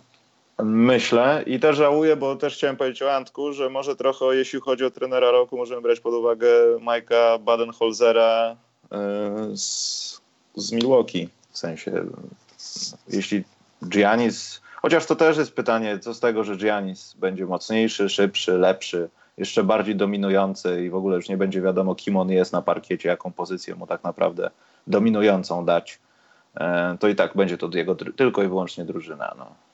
W sensie szukanie drugiego gościa, który będzie na równi z nim w jakiś tam sposób, no to jest znalezienie Chrisa Middletona, który jest dobry, ale jest na zasadzie Pola, Pola, Pola Millsapa. On, jest dobry, ale musi być z jakimiś ludźmi, jest taki, wiesz, spokojny, wykonujący swoje zadania, nic więcej. Karol? E, tak, Michał, już mam podać swojego kandydata, czy jeszcze. Czy jeszcze nie wiem, no pewnie powiesz Lebrona, Lebrona Jamesa podasz jeszcze. Słuchaj, kandydatów mam kilku. I, jeśli mogę kilka zdań powiedzieć o każdym. E, no na pewno LeBron, na pewno musisz brać LeBrona pod uwagę, no bo, no bo to są Lakers, o Lakers będzie się mówić, bo to jest LeBron, o LeBronie będzie się mówić. No i siłą rzeczy on będzie I... musiał coś robić w tej drużynie głównego, tak, bo tam I... też tak, i słuchaj, LeBron, o statystyki LeBrona nie mamy co się martwić. Takich 27 punktów, 8 zbiórek, 8 asyst to jest, y, myślę, że to jest standard w tym 16 sezonie w NBA. I teraz zobacz. Ja uważam, że wszystko będzie się rozbijać o zwycięstwa. Jeżeli, jeżeli koledzy pomogą LeBronowi, to LeBron wygra, a też myślę, że, że on będzie chciał to zrobić, żeby, żeby wprowadzić prowadzić tę nową narrację, że będzie MVP z trzema różnymi klubami. To jest coś, co pisałem na temat LeBrona przy okazji, przy okazji jego odejścia do Lakers, że, że to jest rzecz, to jest case, który on chce zrobić. Przerywam sobie na chwilę, bo wrzucam to na czat. Jak ktoś chce rzucić okiem, to niech rzuci. Nie wiem, jak ty, Michał, uważasz, ale chyba się zgodziliśmy co do tego już wcześniej, że, że tak historycznie LeBron nie przeskoczy Jordana. Z różnych przyczyn, z wielu różnych przyczyn. Myśmy ale... się na to zgodzili? E, tak, nie... tak, mi się, tak mi się wydaje. To dobrze, bo nie pamiętam. No nieważne. No. Ba bardzo dobrze, ale, ale LeBron może zrobić swój case taki, nie, nie, nie wspinać się na górę pod nazwą Michael Jordan, tylko wejść na górę dotąd nieodkrytą z napisem LeBron James, być MVP z trzema różnymi klubami, zdobyć tytuł z trzema różnymi klubami. Ale Karol, to... tutaj jest pytanie inne, czy pomijając, wiesz, no, rzeczywistość, ale czy oni dalej w sobie znaleźli góry na ziemi, czy jednak Jordan ma górę na Marsie, a LeBron na ziemi, albo na odwrót? To się dopiero okaże, tak? No bo to teraz... się dopiero okaże, ale to jest, Michał, nie do końca takie, aż takie ważne, moim zdaniem. No bo, nie, no to jest wiesz, ważne, bo to jest tak, bo my, masz my górę na Księżycu, to wiesz. Jasne, no to... jasne, wiem o co ci chodzi. My widzieliśmy Jordana na żywo i my wiemy, My wiemy, dlaczego mamy go na pierwszym miejscu. My sobie nie, nie oglądamy highlightów i nie wymyślamy, ale też będzie pokolenie ludzi, którzy ani nie widzieli, ale będą dwa pokolenia. Będą ludzie, którzy widzieli tylko Lebrona, znaczy jest już, już, już jest drugie albo nawet trzecie pokolenie ludzi, znaczy drugie, nie przesadzajmy, którzy nie widzieli Lebrona, widzieli, nie widzieli Jordana, widzieli tylko Lebrona.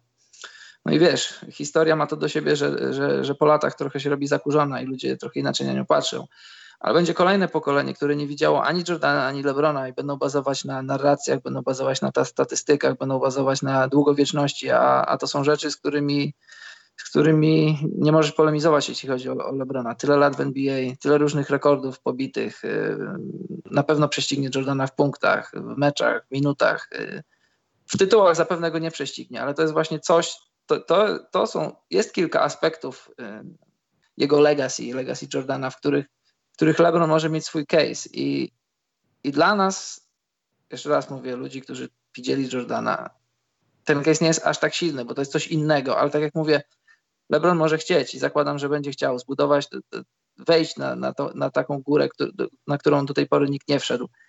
A zdobycie trzeciego MVP z trzecim klubem to będzie coś i, i, i wydaje mi się, że LeBron będzie chciał to zrobić, bo myślę, że zdaję sobie sprawę z tego, chociaż jako, jako ten taki ostateczny warrior, competitor naj, naj, najwyższej klasy, gdzieś tam w swojej świadomości pewnie czuję, że, że gdzieś tam będą okoliczności sprzyjające, że da się powalczyć o tytuł, ale pewnie tak na koniec dnia zdaję sobie na, sprawę z tego, tak przy chłodnej kalkulacji, że, że Lakersi nie zdobędą w tym roku tytułu. Ale MVP jest jak najbardziej w jego zasięgu. Wystarczy wygrać tych 50 meczów, 52 mecze, no ja bym, patrz, Karol, tego tak. tak głośno nie mówił, że nie zdobędą tytułu w tym roku, bo to już stary po Myślisz, wygranych. Widziałeś ten ostatni, co się działo na Twitterze podczas tego, nie wiem, drugiego od końca, czy ostatniego meczu preseason Lakersów? Stary, kłótnia tego, że LeBron gra, tamci nie grają. Ludzie są już tak ściśnieniowani po obu stronach i ten cały bus Lakersów stworzony po przyjściu LeBrona, bo ja nie wierzę, że to jest 100% fanostwa, nie wiem, jak Rafał Niewiadomski na przykład. To są ludzie, którzy jadą autobusem, no bo LeBron. Słuchaj, to są ludzie, jest dużo fanów, fanów, którzy się na koszykówce znają i lubią, ale jest dużo ludzi, którzy jadą autobusem, tak jak mówisz, i sam fakt, że mieszkają w Los Angeles, sam fakt, że, że kiedyś kibicowali Lakers, sam fakt, że koszulki Lakers wyglądają fajnie, buty zrobione na purpurę i złoto wyglądają fajnie, to już jest dla wielu ludzi wystarczający powód, żeby być fanem Lakers. I wiesz, to w jaki sposób wielu ludzi patrzy na Kobiego Bryanta też jest źle jest zamazane w negatywny sposób przez tych takich y, pieniaczy, niedzielnych, niedzielnych kibiców Lakers. No bo wielkie kluby mają to do siebie, że, że mają ludzi, którzy się znają na koszykówce, ale też mają ludzi takich, którzy wiesz, są tam po prostu, bo, bo się coś dzieje. Warriors mają bardzo wielu takich kibiców, którzy robią tylko szum w internecie, niepotrzebny szum. Bulls takich mieli, Nixi takich mają, znaczy Nixi są teraz trochę przyczajeni, ale jeśli tylko Nixi zaczną wygrywać, to zobaczysz, że ludzie powyłażą z tych swoich norm. A wracając z tej takiej wielkiej dygresji, LeBron potrzebuje wsparcia swoich kolegów. Jeżeli, to powiedziałem, jestem pewny o jego indywidualne statystyki, więc do, więc do tego będzie potrzebował narracji, które będzie miał i potrzebuje tylko i wyłącznie zwycięstw. Lakersi potrzebują tylko i wyłącznie zwycięstw. Jeżeli Cavs na wschodzie, wygrywający 50 meczów, dali LeBronowi dużo dobrych narracji, tak Lakersi, którzy wygrają tyle samo, 50, 51 meczów i dajmy na to, że będą w top 4 czy w top 5, to to już będzie coś. To będzie, to, to, to moim zdaniem wystarczy LeBronowi, żeby być w y, pierwszym w tym wyścigu do, do zdobycia MVP. No bo jeżeli spojrzysz na innych jego konkurentów, kandydatów, których ja mam. Ja mam Hardena, to znaczy wśród kandydatów, ale myślę, że Harden nie wygra, bo Harden już zrozumiał, że e, znaczy nie wiem, czy zrozumiał, ale no ma już MVP i pewnie chce zagrać o tytuł. I myślę, że po tych trzech latach, czterech takiego ostrego walczenia o MVP delikatnie wyhamuje. Nie mówię, że wyhamuje bardzo, ale delikatnie wyhamuje. Mam też Antetokounmpo, Wydaje mi się, że pod nowym trenerem, w nowym rozdaniu zagra świetny sezon indywidualnie i też, tak jak w przypadku LeBrona, będzie potrzebował zwycięstw. Ale jeżeli będziesz miał Bucks na podobnym poziomie wygranych i Lakers na podobnym poziomie wygranych i tu masz Janisa, tu masz LeBrona, no to e, narracje zjadają Janisa. LeBron to wygrywa. E, Warriors nie bierzemy pod uwagę. A no pozornie, tam... poczekaj Karol, pozornie, no.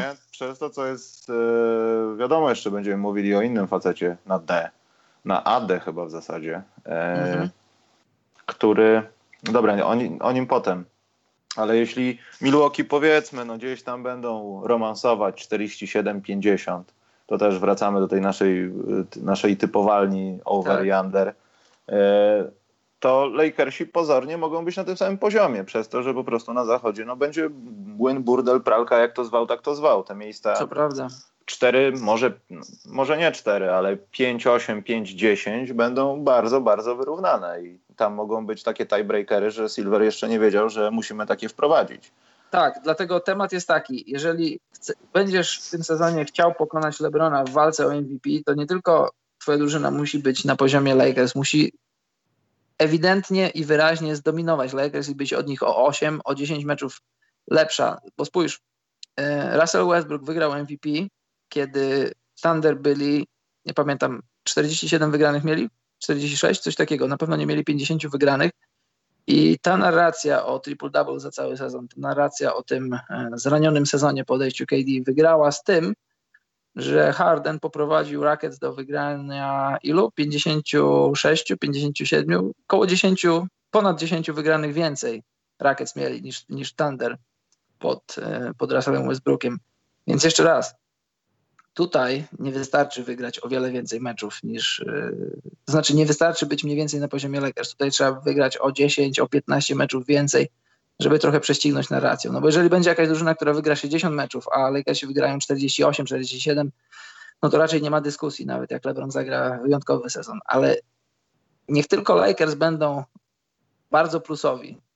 No dla mnie taką barierą jest 50 wygranych. I niech tylko da im to przewagę własnego parkietu to liczby, które biorę w ciemno w przypadku LeBrona dadzą mu MVP. Ja tak, ja tak uważam, ja tak stawiam, więc jeżeli będziesz mieć... Właśnie, no. właśnie Karol, zerknąłem dokładnie w tą naszą tabelkę i wyszło, że Lakersi mają 44-38, a Milwaukee ma 45-37 i wyszło tak trochę, że no Lakersi są na tym dziewiątym miejscu, chociaż teraz ja bym to zamienił w ogóle z San Antonio, to co się stało, to w ogóle kompletnie bym to zamienił. To już chyba będziemy musieli jakąś poprawkę zrobić kiedyś, jeszcze w sezonie. E, I Milwaukee z tym bilansem jest na piątym miejscu. Także wiesz, no, to jest to, o czym mówiliśmy, no, że pozornie to są dwa różne światy. Trochę tu jest playoffs, tam nie ma. E, I z niektórymi może będzie jakaś mała przewaga parkietu potem, ale to wątpliwe, żeby to też były upsety jakieś. I po prostu będzie, wiesz, to takie wyrównane bardzo. No. Poza tym, y, poczekaj, mówiliście na czacie, Aha. Y, głosuje się, chyba to głosowanie jest jak gdyby w trakcie playoffów, bo jak teraz jest ta gala. Nie, nie, nie. Wszystko... nie, głosowanie, głosowanie jest po zakończeniu rundy zasadniczej i to już no jest tak. koniec głosy są oddane i schowane do szkatułki. I, i wiesz, I to, co się dzieje w playoffach nie wpływa, nie wpływa. Tak, na... nie, ale potem jest cała feta, jest prawie miesiąc takiego bezruchu, tak, że tak. są te dane gdzieś zatrzymane jak gdyby, no, ale nie opublikowane, o to mi chodzi.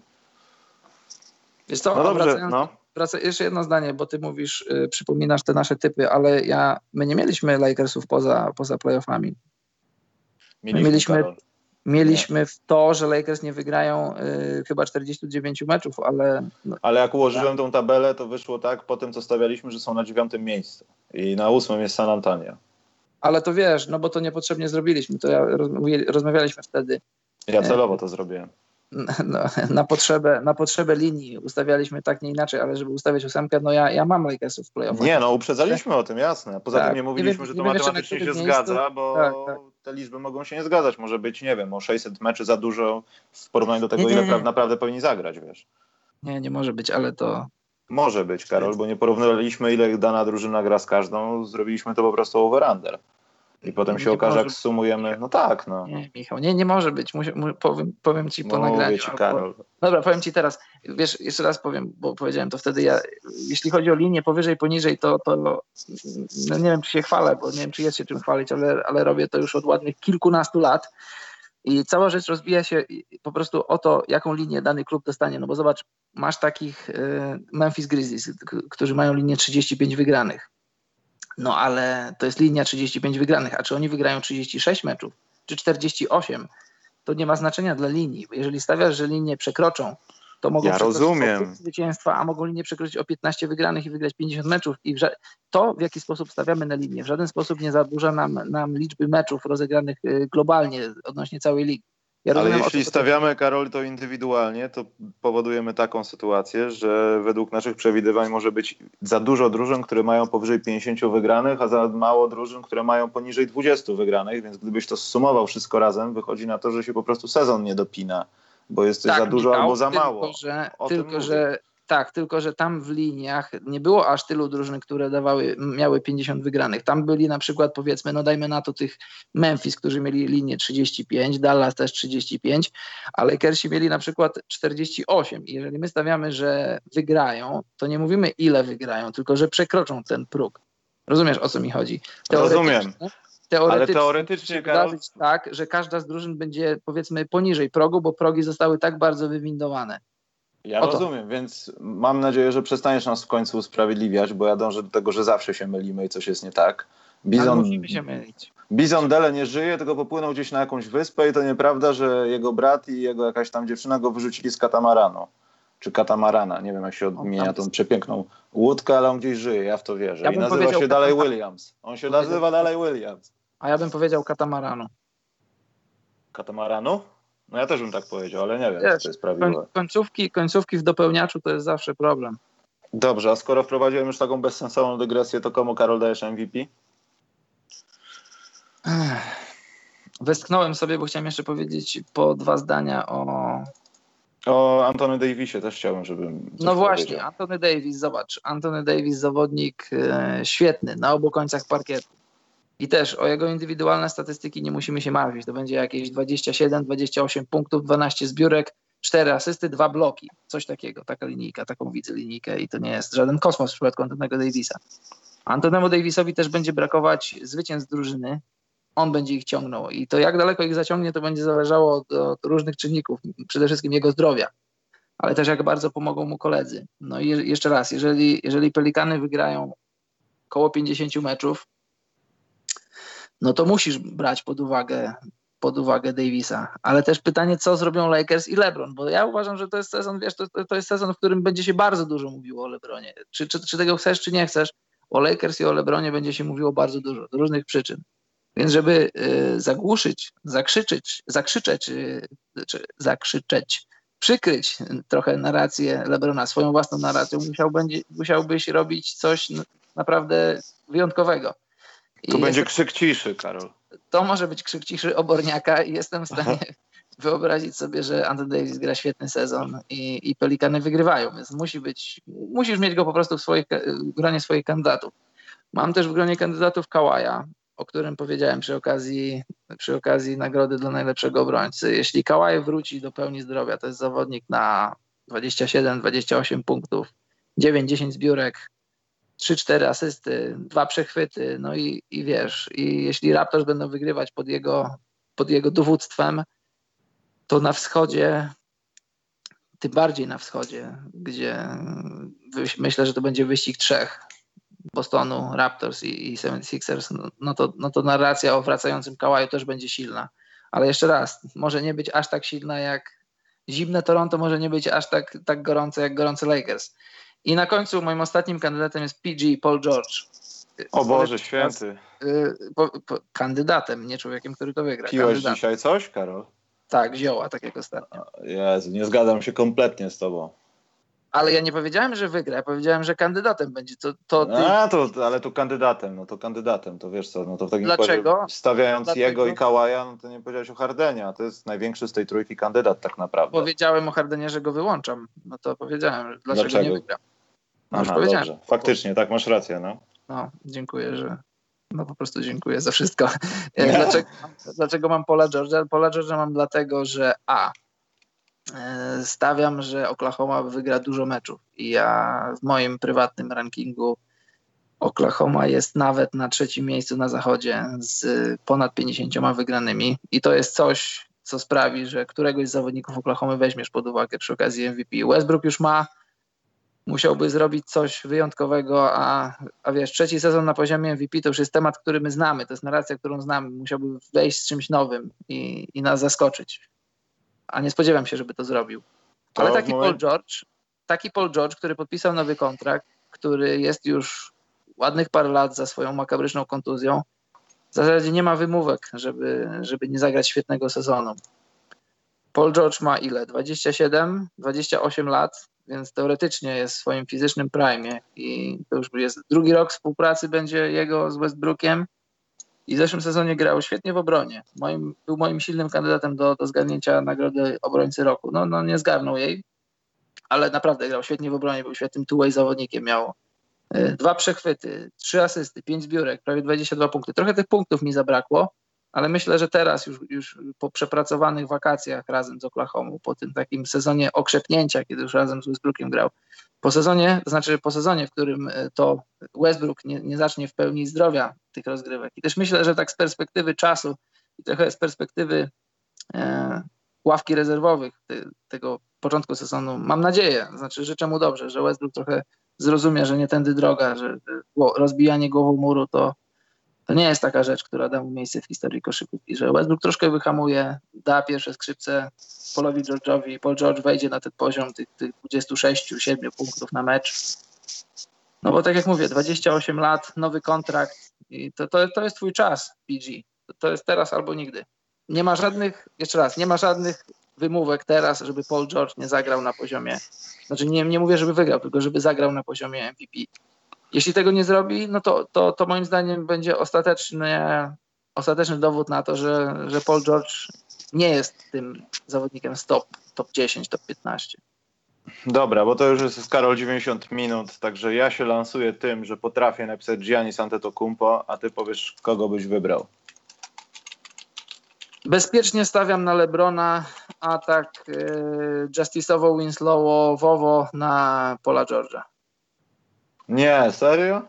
Nie, no nie, wiesz co, nie, bo to tak na siłę być oryginalnym to nie chce być. E, Weź, moim znaczy, zdaniem Paul George w ogóle... Jeszcze raz powiedz, mówiąc, że, mówiąc, że zakładam, że Oklahoma zagra doby sezon i Paul George zagra doby sezon, e, stawianie go w roli MVP, masz rację, to jest trochę za dużo, więc mam tak, mam, e, no muszę mieć silną, silną kandydaturę, tak logicznie patrząc, matematycznie i, i w ogóle historycznie LeBrona Jamesa, no i też będę miał, jak tak jak ty, Antetokounmpo. No ale daj mi Lebrona. Dobrze, Karol, ja to zapisuję dla potomnych, żeby nikt nie powiedział, że nie zapisałem tego. Czas na pytanka od was i spieprzamy stąd. I chciałem powiedzieć tylko jedną rzecz, że Antetokounmpo wychodzi mi poza ekran. Spory skurczybyk. Napisz tylko Janis, napisz Greek Freak. Nie, musiałem się przylansować, bo ten, bo mi się zarzucało, no, że ja to wklejam, a ja po prostu wiem.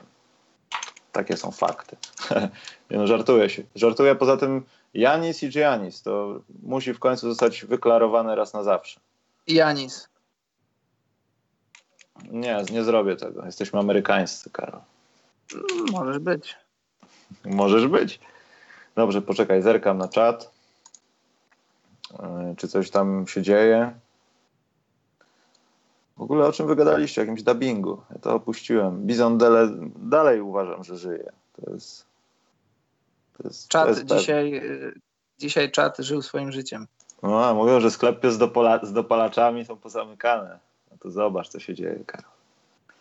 No. Dobra, to czekamy 3-4 minuty. Jak nic, to, to spieprzamy. No bo to nie ma co. I słuchajcie, a propos yy, następnego programu, to my będziemy rozmawiali po nagraniu z Karolem, ale może to nie być środa. Bo nie wiem, czy jest sens katować się przerwą i jeszcze będziecie musieli nas pół godziny, 40 minut słuchać, bo myślę, że godzinę to bez sensu, żebyśmy robili o pierwszym dniu, w którym będzie tyle akcji, yy, że może lepiej w czwartek, dlatego to jeszcze uzgodnimy. Sprawdzajcie na Facebooku po prostu, no bo tam najszybciej jest podawane wszystko. Czekaj, znowu czat wyłączyłem sobie. Ja mam włączony, nie ma pytań, więc, więc Dajmy, dajmy im jeszcze dwie minuty. A jak nie, to już możemy nigdy nie wracać. Poza tym Jeden. Kała jako MVP, Karol, nie, no to jest taki kandydat dla mnie bardzo Kała MVP? Tak, widzę, że jesteś zrutowany z Toronto i dobrze, że robimy grę o klon, bo jesteś diehard fanem, widzę.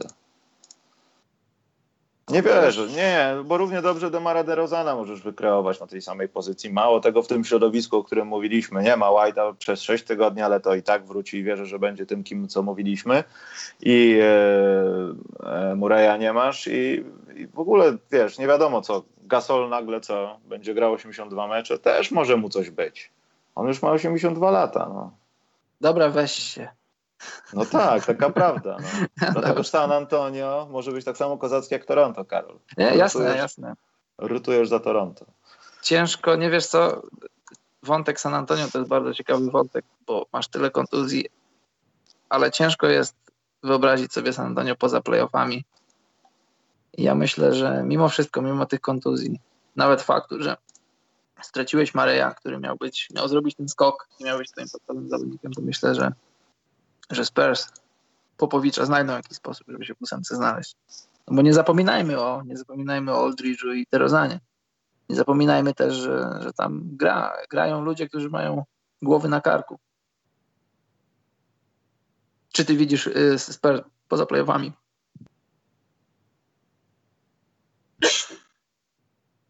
Halo Michał. Znowu się wyłączyłem. Żałuję, teraz trochę widzę. Chociaż wiesz, to jest tak jak, tak jak mówiliśmy przy tym przewidywaniu, że masz yy, Memphis, masz San Antonio, to są takie drużyny, które zawsze gdzieś tam a, może San Antonio mniej, ale taki Memphis, a, oni są gdzieś w dupie i nagle są gdzieś. Nawet jak, jak mają połowę składu z G-League i, czy tam z D-League teraz, przepraszam, no z G-League teraz i z pierwszej ligi polskiej, to i tak dają radę, bo tam jest dobry coaching, to jest Memphis, mimo wszystko nie ma przeszkadzajek, wiesz, Conley przesiedział cały sezon, a, i tak grali powyżej oczekiwań momentami. I to są takie drużyny, które zawsze są poniżej tego radaru, a na koniec dnia, wiesz, San Antonio bije się o playoffy. No właśnie. Ja też, Patryk, nie widzę do końca, ale jednocześnie możemy tak samo ich oceniać. No, Toronto i San Antonio to są dwie inne jakości mimo wszystko. Popowicz sam wszystkiego nie zrobi, a w Toronto ma kto grać. Poza tym też o. MIP nie wspomnieliśmy. Myślę, że ten Delon Wright mógłby trochę tam podjeżdżać kandydatem. Ale albo też... ławki, albo MIP. Tak, ale też w przypadku San Antonio trzeba pamiętać, bo tutaj pisze Patryk na, na czacie, że Drozana w roli Leonarda, ale zwróć uwagę, że Leonard zagrał w zeszłym sezonie tylko 9 meczów, a San Antonio i tak wygrało 47 spotkań, więc teoretycznie wkładasz Drozana do drużyny, która wygrała 47 meczów. On nie musi w żadne buty wchodzić, bo tam tych butów nie było w zeszłym roku. Więc jeżeli All-Stara wkładasz do drużyny, wiadomo, już, już na ten moment wiemy, że nie, bo było dużo kontuzji i ta drużyna jest, y, zaczyna trochę z niższego poziomu niż kończyła tamte rozgrywki. Ale nie trzeba patrzeć jeden do jednego, porównując e, DeRozana z, z Kałajem, bo bo, bo tamten sezon tak nie wyglądał pod, pod znakiem, pod znakiem e, gry San Antonio. Onarda nie było, był tylko w dziewięciu meczach. A jeszcze widzę na czacie e, od mojego kolegi Bartka, zwanego misiem, w jakich butach sędziuję. E, mam też Kobi piątki, to są moje najlepsze buty do sędziowania. Historycznie Nike Kobi, Kobi 5. Świetne, lekkie, bardzo przyczepne. Mam je cały czas, używam ich, ale używam ich tylko na, na specjalne mecze, żeby ich nie zniszczyć, bo, bo niestety nigdzie nie mogę dostać. Tutaj mam pytanie do ludzi słuchających. Niech mi wpiszą na czacie, jeśli wiedzą możliwość, gdzie mogę kupić nowe, nieużywane nowe Nike Kobi piątki lub szóstki lub ósemki. A wracając do pytania, sędziuję właśnie w nich lub w Nike Hardena. Nie pamiętam jak ten model się nazywał, ale to był ostatni model, zanim Harden nie przeszedł do Adidasa. I to są takie buty, które ja trochę zrobiłem trochę y, własny customized, poobcinałem rzeczy, które mi nie pasowały, bo one są tak jakby, teraz jest na to moda. Kiedyś to, to, to taki był początek Nike, w to wchodziło buty bez języka, w takie jakby, w takiej jakby, ja wiem jak to nazwać, takiej, takiej skarpecie czy coś takiego. Ja zwróciłem uwagę, że tutaj nie potrzeba sznurówek, je po prostu powycinałem. Do, do grania w kosza może to byłoby trochę za luźne, ale do sędziowania, gdzie biegasz do przodu i do tyłu, w zupełności wystarcza. I to tyle, jeśli chodzi o moje buty do sędziowania. Dobra, to w takim układzie nie ma pytań. A, zapomniałem o jednej rzeczy. Słuchajcie, mam jeszcze, jak ktoś tam klepie w fantazy czy coś, są dwa takie konta premium jeszcze do rozdania, bo już trzy poszły. Yy, takie jest narzędzie do. Pewnie jak ktoś gra w fantazy, to wie, no jak ktoś nie gra, to i tak mu nic nie powie i nie będzie do niczego potrzebne, ale jest coś takiego jak wspomagacze jakieś takie do gier fantazy, do draftów. No sezon się w zasadzie jutro teoretycznie za dwa dni zaczyna. E, I no, drafty się zaczynają, a to jest dosyć mocne, dobre narzędzie do tego, żeby tam sobie poprawić sytuację. Jeśli gra się z kimś, kto tego nie ma, to można nazwać to oszukiwaniem, ale przede wszystkim to jest polski projekt, także jak coś, to wchodźcie tam. Im więcej was tam jest, tym lepiej oni to wspierają, ale i tak uważam, że jest nieźle. Także jeszcze dwa konta, w sezonie coś tam się pojawi, takie dwa konta premium, co ważne na cały rok. Wel na cały sezon. E, wszystko macie w zasadach, także zerkajcie. No i co, Karol, chyba idziemy. No. Chyba tak. Damy Wam znać, co z tą środą czy czwartkiem. To myślę, że dzisiaj nastąpi albo jutro najpóźniej. No i co, no wbijajcie na Facebook, wbijajcie na Patronite'a i widzimy się, jak kości zostaną rzucone. Najprawdopodobniej. Najprawdopodobniej. Powiedziałeś to, jakbyśmy mieli odejść zaraz. Nie, bo tutaj, y, tutaj się tak trochę zawiesiłem, bo Michał pisze na czacie, że Zachód nam wyszedł. Nie, to nie, nic nam nie wyszło, panowie, moi mili, musicie zrozumieć. No właśnie, no właśnie o tym mówiłem właśnie, właśnie o tym tak, mówiłem. Ale, tak, Dobrze to policzył Michał, shoutout. Tak, posłuchaj Michał i drugi Michał, bo my popełniliśmy błąd i to jest wina Michała. Nie, nie zgadzam się z tym. To, że uszeregowałem to według bilansów, to po prostu tak. zrobiłem to for fun, ale y, rozmawialiśmy Właśnie. ogólnie i over i under. Jasne. Cała, cała tabela dobrze. jest przypadkowa. Jasne. Zrobiłeś bardzo dobrze, żebyśmy mieli taki trochę szkielet tego, o czym mówiliśmy, ale wyjściowo powinniśmy mówić tylko i wyłącznie o liniach i nie myśleć w danym momencie, w tamtym momencie, w tamtym podcaście o ósemce i w ogóle o piętnastce, dlatego że dzieją się później rzeczy, które tutaj wypunktował pan Michał, że wyszło nam y, to, co nam wyszło jeszcze raz mówię, wszystko zaczyna się i kończy na liniach. Taką, jaką masz linię, to determinuje ci, co później wpiszesz sobie w tabelkę. Jeszcze raz, jeżeli jakiejś drużynie ktoś daje 25 zwycięstw, tak jak na przykład Atlancie, a ta Atlanta wygra 50 zwycięstw, ty tego nie wiesz, ty tylko dajesz więcej lub mniej. To może, się, to może wszystko odbywać się w obrębie linii, ale może być to bardzo w górę albo bardzo w dół. Zależy od tego, jak, jak będzie sezon wyglądał. Więc e, no chyba nie mam nic więcej do dodania na ten temat. Hmm, czyli wyszło na to, że miałem rację, no po prostu. Taki nie. fakt. Tak. Popełniłeś błąd Przecież on to policzy. sortu, że, że nie, że, że po prostu, Tak, ja rozumiem, że po prostu wpisywałeś tak, tak, na, tak doraźnie, co, co nam to ułoży, co nam to da. Ale dało nam to zamazany obraz tego, co, co wiesz. No, dlatego miałem rację, bo się nie zgadzało to matematycznie. W jednym podcaście zrobić linię tylko i wyłącznie. A co nam to da? Tego nie wiemy. A na przykład w kolejnym ułożyć sobie naszą piętnastkę i dać już zwycięstwa. Jeśli chcesz matematycznie się bawić, to może, żeby się zgadzało co do zwycięstwa. Nie, no ja wiem. No. Tylko No. dalej twierdzę, że mam rację. nie, dobra. E, słuchajcie, a właśnie, bo jeszcze ktoś mnie pytał. Twoja racja razie, jest bardziej twojsza. tak, Mojsza. E, słuchajcie, na razie przystopujemy z tym 34, bo też mogliśmy dzisiaj gadać, ja chciałem gadać o szaku, ale też przystopujemy, ale to nie znaczy zapomnieliśmy, bo to jakoś na pewno wróci, nie wiem, centrów jakiś zrobimy najlepszych, O albo coś po Pierce pozycję. nie tam Paul Pierce, uzgodniliśmy Karol, że Paul Pierce nie, nie dostąpił zaszczytu, żeby być przed szakiem. No proszę cię. No żeby przed nim nie być, ale żeby razem. No, no więc jeśli mamy taki wybór, to szak albo, albo nikt. Czyli nikt. No ba, nie, szak, to ja jestem tu prowadzącym, Karol. No ja sta- mogę- stanęło na tym, ale stanęło na tym. Nie, nieprawda. A rozmawialiśmy dzisiaj o szaku? Nie. No właśnie. Ale już gadamy prawie dwie godziny, także nie będziemy tego robić. Ale jak będziemy gadać o najlepszych centrach, albo najlepszych ludziach, którzy jeździli na wózku, albo najdłużej zostawali w zespole, wierząc o tym, że zdobędą w końcu mistrzostwo, to Paul Pierce na pewno to zawita, Karol, to ci obiecuję. Dobrze, Recital takiemu zrobimy. dobrze. No dobra, to się trzymajcie i do środo czwartku. No dobrze, to dziękujemy za dziś i dobranoc, mili ludzie.